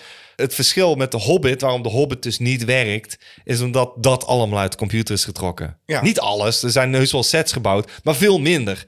En het was ook zelfs zo dat eh, Ian McKellen... die eh zouden die trucage niet meer... die force perspective die ze in de eerste film wel Mhm. deden... hier zeiden ze tegen Ian McKellen... nou, eh, jij wordt later bijgevoegd. En hij vond het echt niet leuk. Hij zei dus ik ben acteren met niemand. Nee, hij zat in zijn eentje. Dat is sneu, hè? Ja. Hij zei, hij is, een, hij is een acteur. Hij wil met eh, mensen spelen. Luister, het heeft altijd natuurlijk een toneelachtergrond. Ja. Een acteur wil niet alleen maar, oh, in de film zitten. Nee, een acteur wil acteren. Nu wordt gewoon doodleuk gezegd, ja, is geld. Dus Ja, eh, ja. ga maar zitten eh, op de green screen. Huppakee, jij wordt ingekiet. Doe je lines maar. Er zijn heel veel van die practical effects meesters doorgegaan. Ja, Behalve Rob Bottin. Ik ga even zeggen wie Rob Bottin is... voordat we gaan zeggen waar we hem eventueel van zouden kunnen kennen. ja. Hij is dus een special effects make-up artist.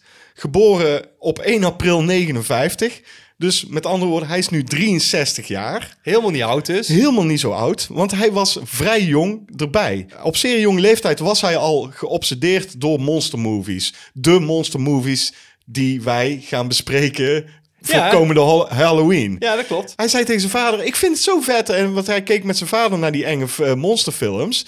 Eh, ja, en die vader zei: Ja, maar je weet dat dat niet echt is. En hij zei: Ja, maar dit is wel echt. Iemand heeft het eh, toch echt gemaakt. Ja. En daar was hij dus geïntrigeerd door. Is hij gaan opzoeken in comics en magazines. Wie maken die shit?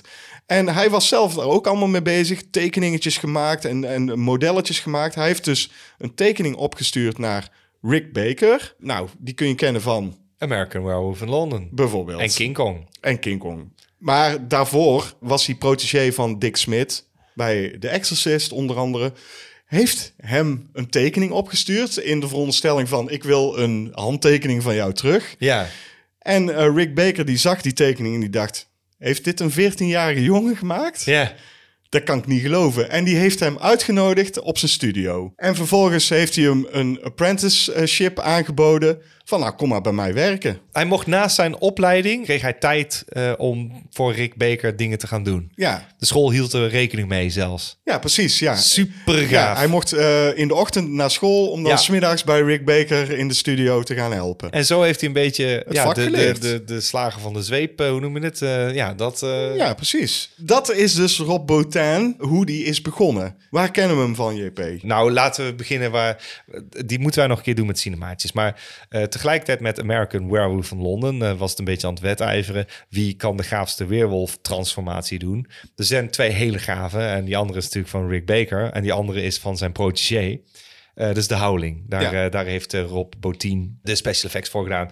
Hij heeft ook de Fog heeft hij gedaan. Hij speelt een van de piraten op het einde. Waarschijnlijk klopt. de hoofdpiraat speelt Ja, hij. Oké, vanwege zijn haar ook. Ja, hij kan makkelijk piraat spelen. Maar we kennen hem natuurlijk allemaal. Ik denk de meeste mensen zullen hem heel hoog hebben zitten. Omdat die film gewoon... Ja, dat is gewoon een filmklassieker. En Misschien wel een van de beste films ooit gemaakt. The Thing. John Carpenter's The Thing, moet ik dan zeggen. 1982. Die special effects zijn zo ongelooflijk goed... dat je bijna niet kan geloven dat het niet uit de computer is getrokken. Ja, hij was toen eh, iets van 22 of 23 dat hij dat maakte. Ja. Dat je echt gewoon denkt van fuck. En hij, Hoezo komt dit uit de, uit de... Er zijn mensen van 23 die hebben iets gemaakt en denk je... Ja, is op zich wel leuk. Dat is niet... Als je kijkt naar The Thing, denk je... Heb jij die gemaakt? hij heeft ook de vrije hand gekregen van John Carpenter natuurlijk. Want hoe ziet The Thing eruit? John Carpenter had tegen hem gezegd van... The Thing is eigenlijk het hoofdpersonage. Maar ik weet niet precies hoe dat eruit moet zien. Toen heeft hij een hele hoop schetsen gemaakt. En toen zei John Carpenter van... Nou, Maak het allemaal maar. kijk maar wat je maakt. En ja, dat is natuurlijk misschien wel zijn beste werk, denk ik. Hij eh, heeft denk ik wel prijzen gewonnen met ander werk. Volgens mij Eh, Legend eh, heeft hij ook dingen gedaan. Hij heeft natuurlijk wel bekend voor mij en voor Mm. jou ook Ja, Robocop. Robocop. Hij heeft het pak van Robocop gemaakt. hij heeft het pak gemaakt. Onder hij heeft ook andere. de smeltende man in Robocop heeft hij ook gedaan. Ja, en een andere Paul Verhoeven film waar hij dus prijzen mee heeft gewonnen is... eh, Total Recall. Total Recall. Die eh, Two Weeks. Ja. Ja, dat is allemaal... En nee, bijna al de special effects daarin. En dat is allemaal Rob Bottin. Hij begon dus met Rick Baker, onder andere ook aan Star Wars. Eh, hele Ja, monsters in die canteen scene Ja, heeft hij ontworpen. In de kantine scene van. Rob Bottin. Ja, dat is zo gaaf. Die transformatiescène waar je het over had in de Howling. Ik heb een interview van hem gezien waar die uitlegt hoe hij erop is gekomen om dat zo te doen. Want hij wilde dat gewoon laten zien. Hè? Ja. Hij zei al van ja, normaal knippen ze weg en dan komt hij terug, heeft hij iets meer haar. Maar dan zie je hem niet transformeren. En hij had voor Airplane had hij bij Leslie Nielsen een Pinocchio-neus Oh, dat klopt, ja. gemaakt. En die Pinocchio-neus die groeide. Ja, dat klopt. En toen dacht hij, als ik dat nou kan gebruiken om een transformatie te maken van een mens naar een weerwolf, dat die botten groeien en zo. Ja, ja, ja. En dat heeft hij dus uit Airplane heeft hij dat gehaald, gewoon eh, dat idee van. Dat is waanzinnig. Dat wist ik niet eens. Oh, dat is waanzinnig. Heeft hij die neus ook gedaan van Ja, die, die heeft hij gedaan, ja. Ja, serieus. Oh, wauw, dat is geweldig. Hij heeft meerdere dingen gedaan. Op het einde van zijn carrière, want hij is in 2002 is hij gewoon dus verdwenen. Ja, ieder zo, wat de hel? Ja. Eh, ge- Gestopt, klaar. ja, weg Robotien. Hij gewoon niks meer van te horen gekregen. De, eh, je, Hij heeft kan geen hem, internet, hij heeft geen e-mail, hij heeft geen Facebook, hij heeft helemaal niks. Je je kan hem niet vinden. Er- kunt hem niet bellen. Je kunt hem niet bellen. Er worden geen interviews gegeven. Helemaal niks. Een van de laatste dingen die hij heeft gedaan... En het laatste wat hij heeft gedaan is volgens mij Mr. Deeds. Dat mag geen naam hebben. Maar dat is 2002 dan ongeveer, ja, ja. maar een van de laatste dingen die wel eh, noemenswaardig zijn... zijn de special effects in Seven.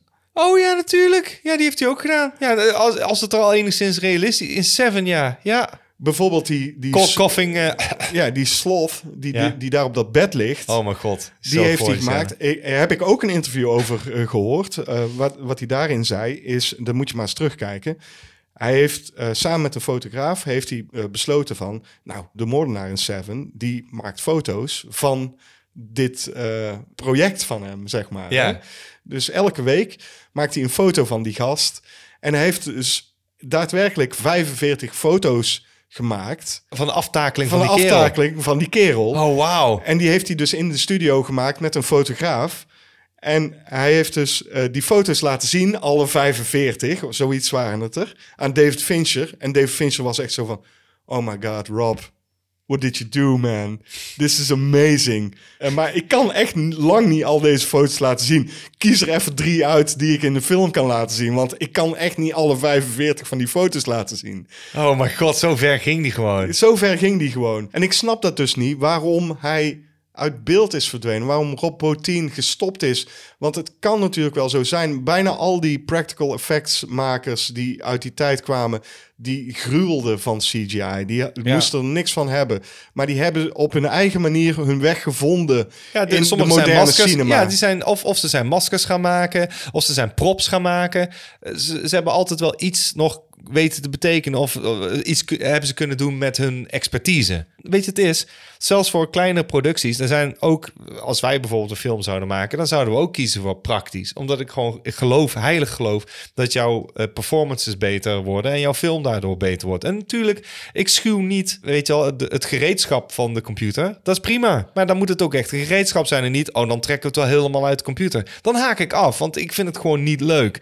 Op die manier zou je dus jouw eh, nog steeds kunnen uitoefenen. Rob Bottin heeft er ergens gewoon voor gekozen om te zeggen: nee, daar heb ik gewoon geen zin in. Want eh, een van de redenen wat ze dus vermoeden, is dat hij hier echt gewoon een broertje dood aan had van de CGI. Nee, dan laat maar zitten. Dan hoeft het voor mij niet meer. Ja, dat, En dat is zo pijnlijk. Dat is het dus. Want wij, wij, wij hebben natuurlijk een speurtocht gedaan van... wat kunnen we vinden over Rob Ja. Bottin? Wa- waar is hij nu mee bezig?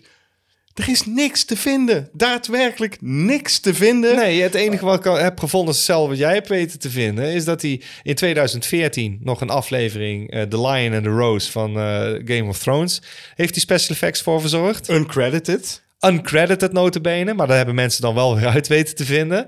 En de andere is een korte film waar die eh, zijn special effects, ook heel gore special effects overigens, heel gaaf. Eh, Cindy's New Boyfriend uit Ja. 2015. En dat is het laatste wat hij heeft gedaan. Dus hij wil sporadisch, als hij zich geroepen voelt, waarschijnlijk nog wel eens een keer iets uitvoeren. Maar ja, dat is inmiddels ook al wel weer zeven jaar geleden. Ja, maar dat moet dan wel gebeuren vanuit een, een vriend, vriendschappelijk... eh, Vriendendienstje. Een vriendendienstje. Ja, dat denk ik dus ook. Want, want je kan hem niet bereiken. Ik kan me voorstellen dat bijvoorbeeld als John Carpenter zou zeggen van... Nou Rob, ik ben met iets bezig en ik wil dat jij erbij komt.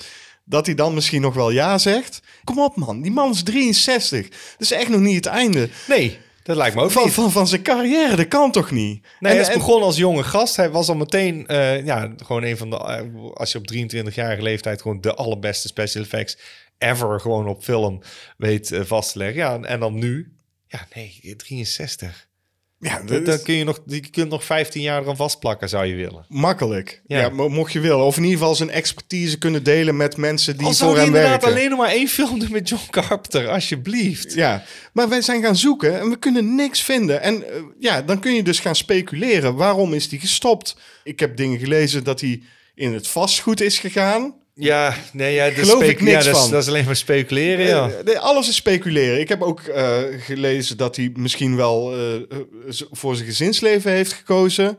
We kunnen niks zinnigs erover zeggen. Nee, Behalve dan ja, dat hij dus sporadisch nog wel eens een keer komt opduiken. Maar dat is inmiddels dus inderdaad alweer zeven jaar geleden.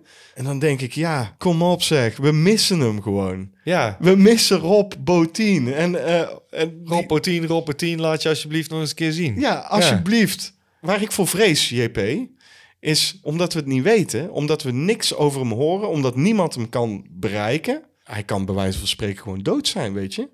Ja, Dat- dat, dat- hoop ik niet. Dat, nee, dat, hoop, ik niet. Maar stel dat hij nou morgen overlijdt. Dat gaat nooit op eh, nu.nl komen. Of op een andere nieuwssite. Ja, ik denk wel dat er dat. Misschien heeft hij ervoor gekozen om een soort kluizenaarsbestaan te leven. Dat denk ik. Ik denk heus wel dat als iemand hem kent en hem respecteert, dan respecteren ze ook die keuze dat hij zich terug heeft getrokken. Zo van: eh, ik ga dit niet meer doen. Ik denk dat als hij overlijdt, dan krijgen we dit echt wel te horen. Dan horen we het waarschijnlijk van iemand van: hey, special effects, grootheid. Rob Bottin is overleden. Dat krijg je wel te horen. Maar hij is 63, dus eh, laten we alsjeblieft niet zo eh, op, die, Nee. eh, op, die, op die treurige noot eh, eindigen. Nee, ik wil- we kunnen wel op een treurige noot eindigen, want dat is, dat is altijd leuk. Maar ik weet niet. Ik, ik denk dat ik al krekeltjes hoor. Ja, misschien is het wel de allermooiste manier om af te sluiten. Please come back, Roboty. We're tired green screen. You change the lives of teens. We need you, Roboty. Please come back, Roboty. We're tired of green screen. You change the lives of teens.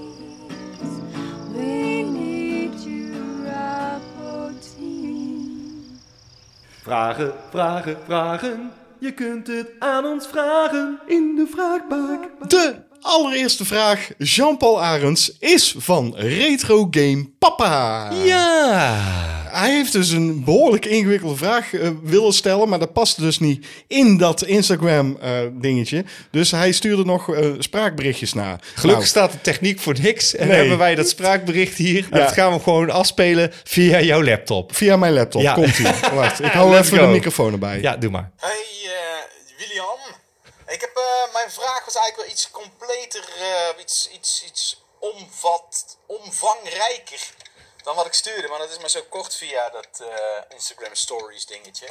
Maar het is eigenlijk over crossovers algemeen. Je hebt dus dat Aliens vs Predator, wat dan uit, oorspronkelijk uit de comics en de games komt.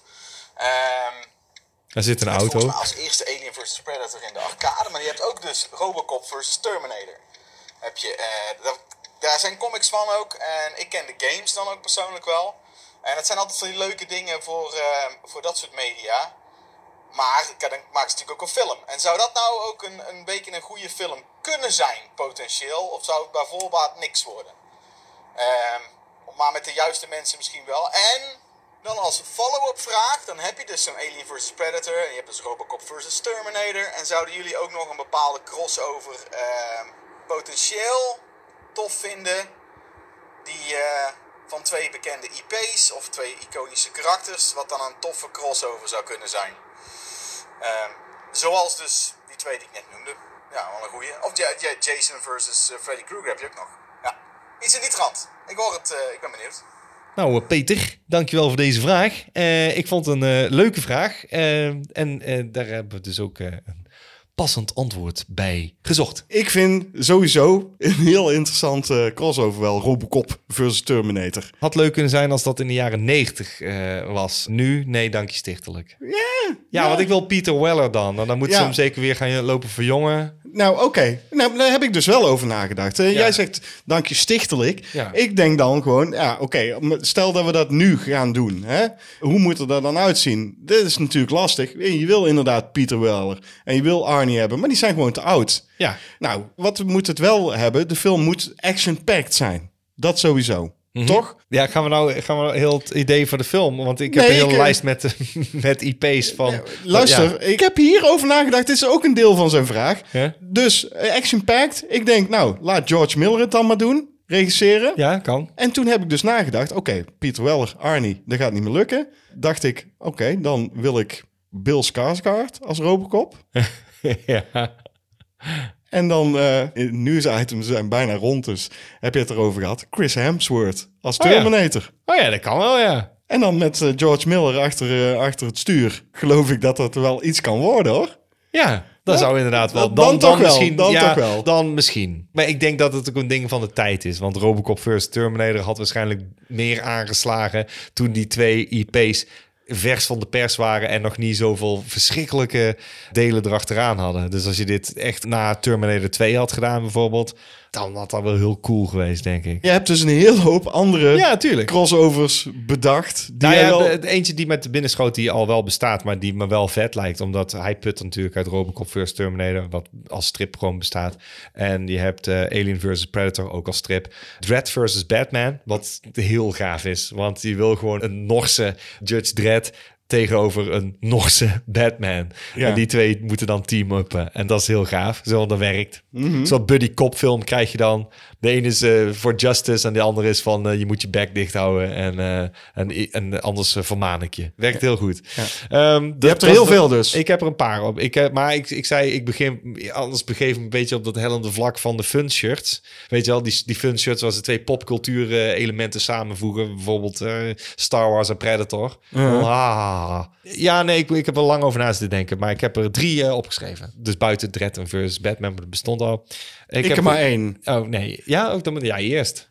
Nou, nee, doe jij maar eerst. Oké, ik weet zeker dat ik, Oh. ik ga buiten de paden en ik weet zeker dat jij niet hebt wat ik heb. Oké, doe eerst mijn minst eh, favoriete. Ja? Ja, dat is eh, eh, Harry Potter versus Lisbeth Salander. Wie is Liesbeth Salander? The Girl with the Dragon Tattoo. oh god. En toen dacht ik, nou, dan krijg je een soort moordplotje. En dan misschien is er wel iemand vermoord op Hogwarts. En ze hebben een hacker nodig. Ja. Maar ja, ik bedoel, Harry Potter die kan alleen maar toveren. Dus dan hebben ze een hacker nodig. En dan komt Lisbeth Salander. Dus een team-up die bijna niemand verwacht. Ja, maar het zijn wel twee bekende IP's. En ik wilde niet een andere tovenaar. Want als het Harry Potter versus Gandalf. Ja. denk ik, nee, nee, nee, nee, nee, nee, nee, nee, nee, nee, nee. Maar ga verder. Nee, jij bent nu. Nee, ik Oh, heb er maar één. oh, jij maar doet ze maar gewoon lekker alle drie en Oké. sluit gewoon Eh, af. Mad Max versus Blade Runner. Oh, wauw. Ja, dat klinkt wel goed. Laatst is eh, John Wick versus Brian Mills. eh, oftewel eh, Liam Neeson uit Taken. I will call you. ja. Dat, dat waren ze.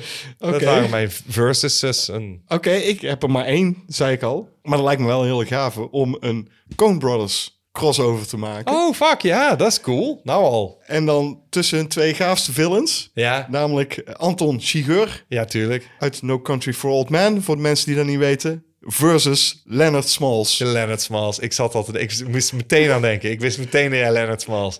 God damn it. Wat een goede film is dat trouwens. hè. Uit Racing Arizona, inderdaad. Ja, heerlijk film. Dat lijkt me gaaf, man. Als die twee eh, met elkaar gaan botsen. lijkt me geweldig. Ja, toch? En dan ook gewoon door de Coen Brothers. Dat lijkt me te gek. Echt super vet. Maar goed, dat was het enige waar ik op kon komen. Eh, verrassend. Ja, toch? Ja, zeker. De volgende vraag is van Iggy.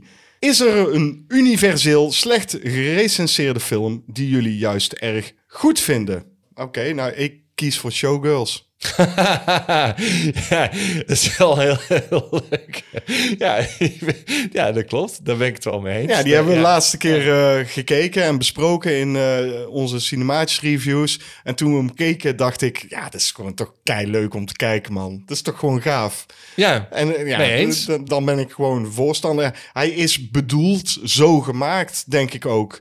Dus hij heeft gewoon kritieken gekregen die niet gegrond zijn op basis van hoe die film eh, bedoeld is. nee, dat klopt. En daarom denk ik dat hij juist wel goed is. Ja, vind ik een hele goede keuze zelfs. Want die was inderdaad helemaal afgebrand en onterecht. Want eh, die film is precies wat het moet zijn. Dus dan kun je hem zien voor wat het is. Daar ben ik het mee eens. Ik heb echt lijsten door moeten werken. Want dit, eh, was, het vond ik heel lastig. En toen dacht ik, ja, maar dan put ik mij uit zo'n lijst. Maar er stond er één tussen waarvan ik meteen wist... ja, daar wordt hem. The Mothman Prophecies. Ja, die ja. vind ik namelijk heel erg goed. En die is echt, nou, is echt slecht. Met maar ik Richard Gere, toch? ja, maar dan ben ik, dat is gewoon echt een goede film. En die is spannend en het is goed verteld.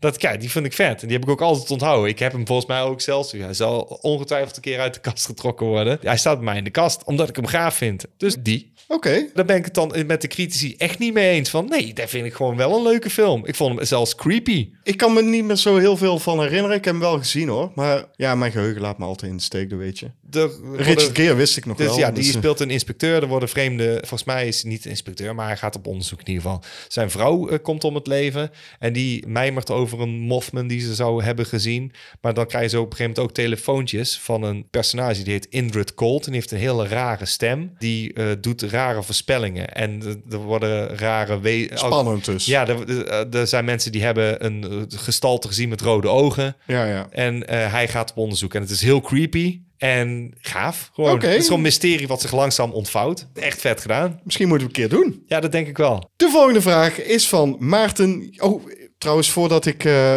de volgende vraag stel, en ik haak gewoon even middenin. We hebben best wel veel vragen gehad deze keer, Jean-Paul. En ik heb ze allemaal op eh, onze reservelijst gezet. Dus Ja, ja, dat als je mensen denkt, nou denken, ja, precies. als je denkt, eh, mijn vraag niet. Nou, die komt heus nog een keer langs. Maar deze vraag is dus van Maarten J. Boer.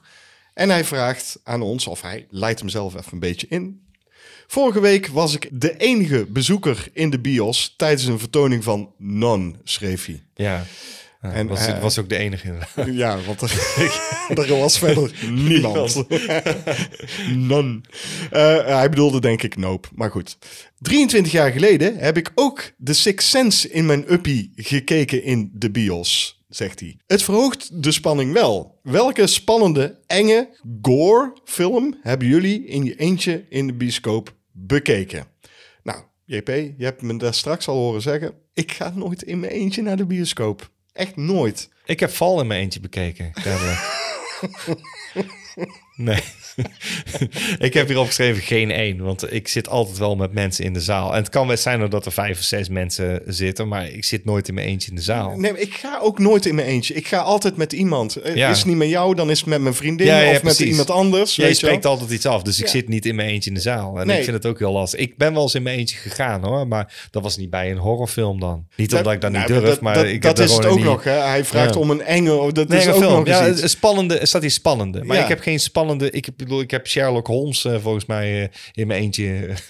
Ja, maar dan zat je ook niet in je eentje in de zaal. Nee, dat, nee, maar die ben ik in mijn eentje naartoe geweest. Maar dat, dat is de een van de laatste keer. Want alle andere keren ben ik met iemand. Dat is het gewoon. Dus Ja. ik heb hier staan geen één. Meestal bij dit soort films is het gewoon druk. Ja, dus dan denk ja, films die trekken veel mensen. Ja, inderdaad. kennelijk wel. En als je in je eentje zit, dan draait hij kennelijk te lang. Eh, Ja, of- of je- voor de bioscoop waar jij bent. Of je woont in een kutstad. Dat kan ook, inderdaad. Ik kan me nog wel herinneren dat wij met z'n tweeën naar Paranormal Activity 2 zijn geweest. Dat het ook niet zo druk was in de zaal. Maar daar zaten toch wel een aantal tieners de spanning weg te lachen. En dan haal je dus ook de spanning uit de film als je tieners hoort lachen. Ja, klopt. Eh, dus ja, het, het is wel eens niet druk. Echt Nee. eentje. In- het lijkt me wel een ervaring hoor. Want, eh, want nu je het zo stelt, denk ik, ja, dat is op zich wel heel spannend. Dan heb je heel de zaal voor jezelf alleen. Kun je lekker achteroverleunen. Kun je je voetjes op de bank naar voren leggen. Kun je zitten kunt, waar je eh, wil. Ja, je kunt jezelf aftrekken als je wil. Hè? Kun, je- kun je doen wat je wil. Maar eens uit. Hè? Bioscoopbroekje aan. maar gewoon enge film kijken, ja, dat is wel spannend. Het lijkt me wel heel gaaf. Dus ergens ben ik wel een beetje jaloers op je, Maarten. Ja, inderdaad. Nou, je het zo zegt. Hoe cool moet het zijn geweest om The Sixth Sense in je eentje te hebben bekeken? dat is toch wel gaaf. Of non. De vraag volgend. De vraag van de week. Die hebben we normaal niet, maar die hebben we dus nu wel. De vraag van de week De is deze van de keer week. van Mike van Dooyeweert. Ja, dan mag jij hem ook stellen. Oké, eh, Mike die stelt de volgende vraag. Naar aanleiding van jullie prachtige Amsterdamse accent laatst. Wat vinden jullie de beste en slechtste filmaccenten? Oeh, de beste. Oh, ik heb alleen maar de slechtste opgeschreven. Ah, ik heb hier... niet. Ja, Ik heb wel een beste. nou doe jij de beste en dan heb ik alleen de slechtste. Wat vond jij zo slecht? Ja, is. Dat is, dat, Ik dat is heb niet zo heel- Ja, ik jij hebt dezelfde. We hebben, ja, we hebben alle twee dezelfde. We Zullen hebben we vast doen, eh, drie- 1, 2, 3. Keanu Reeves. Ja, in Dracula. Absoluut. Bram Stoker's Bram Stoker's Dracula. Dracula heb ik ook ja, opgeschreven. Ja, ja, ja. Ja, absoluut. Ik heb er nog eentje van de laatste tijd. Er zijn er twee films waar die in smiert. Waarschijnlijk heeft hij zoiets van... ik heb mijn geld toch al binnengeharkt. Tom Hanks in Elvis en in Pinocchio. Oh, hij ja. speelt in eh, Pinocchio natuurlijk Geppetto... en dan eh, verliest hij halverwege de, de speech... verliest hij het Italiaanse accent. en eh, ik weet niet wat hij probeert te doen in Elvis... maar het is geen Nederlands. Nederlands.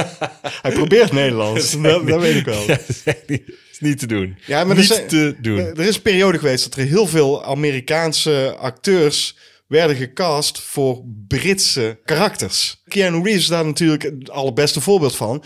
Maar ook bijvoorbeeld Kevin Costner in Robin Hood of Russell Crowe. Dat is Oh, dan- ja, ja, ja, Russell Crowe is geen ja. Amerikaan, maar eh, ja, dat Britse accent kunnen die Amerikanen niet zo goed. Wat raar is, want andersom... Andersom nee, vaak wel. Fantastisch. Niet Dat- altijd, want je hebt een uitzondering. Die kan ik ook meteen genoemd hebben. Benedict Cumberbatch is niet goed in een Amerikaans accent. Doctor maar- Strange is niet geloofwaardig. Maar zijn andere Marvel-held, Tom Holland, is natuurlijk gewoon zo Brits als maar zijn kan. Ja. En die doet een perfect, zo niet naadloos Brooklyn-accent. Dus dat is goed. Ja, maar ik wil nog wel eventjes terugkomen op die Amerikanen die dus dat Britse accent allemaal verneuken. Ja. Daar zijn ook uitzonderingen op. En eentje wil ik wel noemen. En dat is natuurlijk René Zellweger, die Bridget Jones speelt. Niet per se een film die je bij cinemaatjes eh, graag... eh, Nou zeg je iets, en Ja. nou weet ik een, eh, een, een hele groep zelfs. Spinal Tap. zijn er Amerikanen? zijn allemaal Amerikanen. Oh, fantastisch. Want zelfs Britten dachten dat zij Engels waren. Nou, dan doe je het goed hoor. Ja, nou precies. Dus er zijn uitzonderingen op de regels, Ja. maar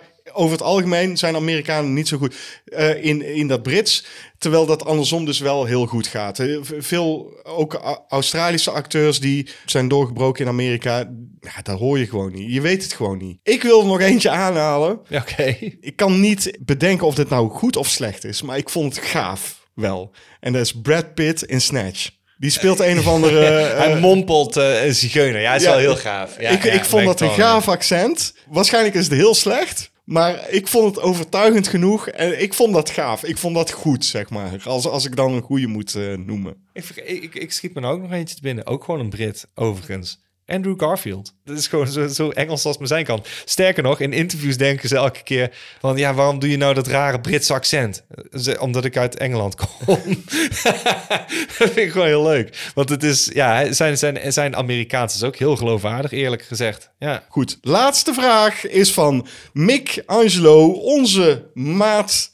XL-maatje zelfs. Oh, deze is leuk, deze vraag. Dit is een leuke Ja, vraag. een leuke En vraag. dit is een vraag naar aanleiding van het plaatje wat ik gebruikt heb om de vraag te stellen om vragen in te sturen. Oh, dat had we eigenlijk al had gedisqualificeerd mogen worden, want Meestal- dat zouden we niet doen. Meestal disqualificeren Ja. we dat soort vragen. Oké, dus als je nou afvraagt, ja, maar ik heb een keer een vraag gesteld. Als het gaat over het plaatje, dan vinden we dat al meteen niet origineel. Ja. En dan denken we, daar gaat heel die vraag niet over. Het is maar een plaatje om jou een vraag te laten stellen. En als jij niet kan zijn, dan, eh, dan vraag ik het over het plaatje. Ja. Jammer, maar helaas. Dan slaan we de vraag dus vrijwel meteen over. Of we schuiven hem 20 podcasts door, zodat jij al lang vergeten bent waar het over ging. Ja. Maar deze was leuk genoeg. En Mick is natuurlijk een XL-maatje van Dan ons. mag dus het helemaal. Die mag dat.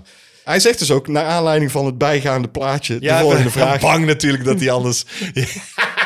Trouwe luisteraar dus. Ja.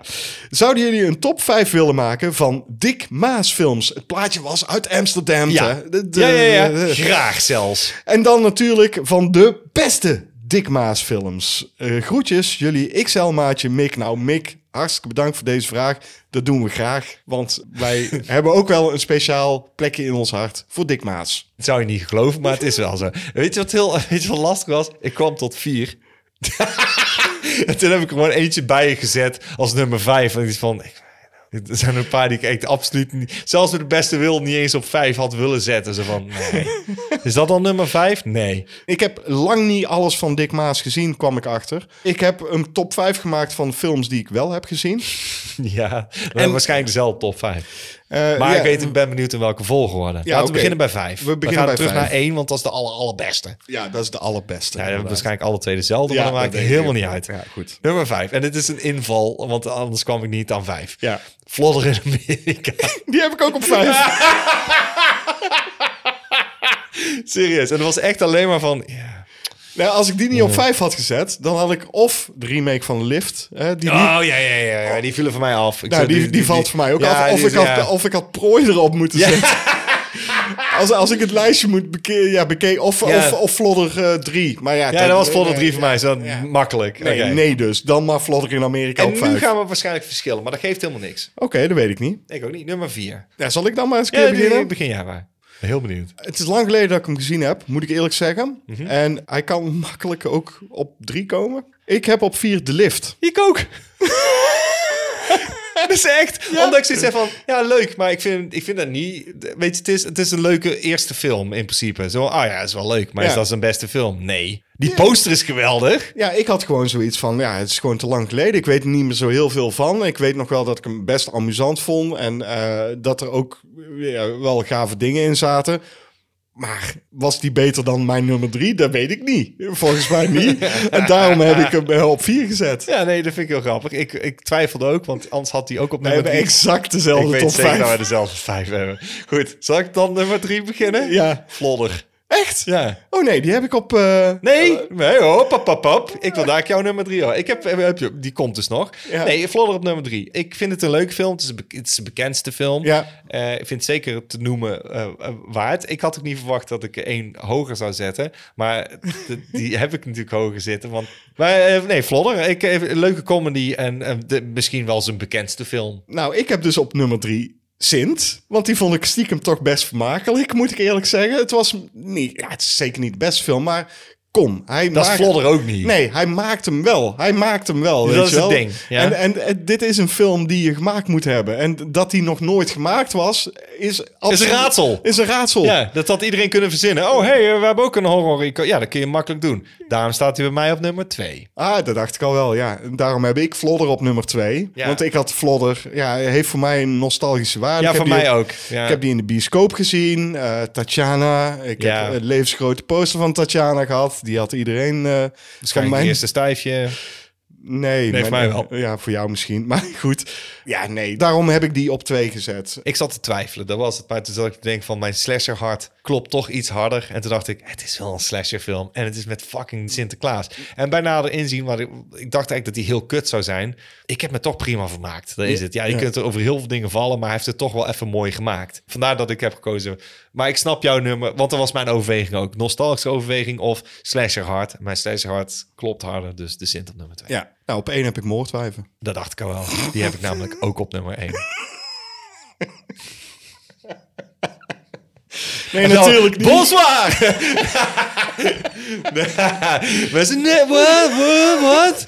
Nee, dat lijkt me wel duidelijk welke op nummer één staat. Ja. namelijk... Amsterdam! Ja, die film klopt gewoon aan alle kanten. Hij heeft hier ook echt alles uitgehaald. Dit was zijn duurste film. Er is dan alles te zien. Klaar. De, de beste acteurs zitten erin. De gaafste stunts. Het is een giallo in principe. Dat vind ik ook al heel vet. Het is een slasher ook half, maar niet echt. Het spitst meer toe op Italiaans eh, pulp. Dat is gewoon heerlijk om naar te kijken. En, en we gaan hem zeker nog een keer doen met cinemaatjes. Ja, dit is gewoon zijn magnus opus. Ja, daar is hij nooit overheen gekomen. Nee. Nee, je ziet gewoon aan alles dat hij gewoon oog voor had. Ook, ook voor spannende scènes en zo. Ja, bij het terugbekijken ook. Het is gewoon een fijne film om naar te kijken. Ik word, ik word al blij als ik eraan denk. Is gaan hem een keer doen. We gaan, hem zeker een keer doen. Adieu. Bonsoir.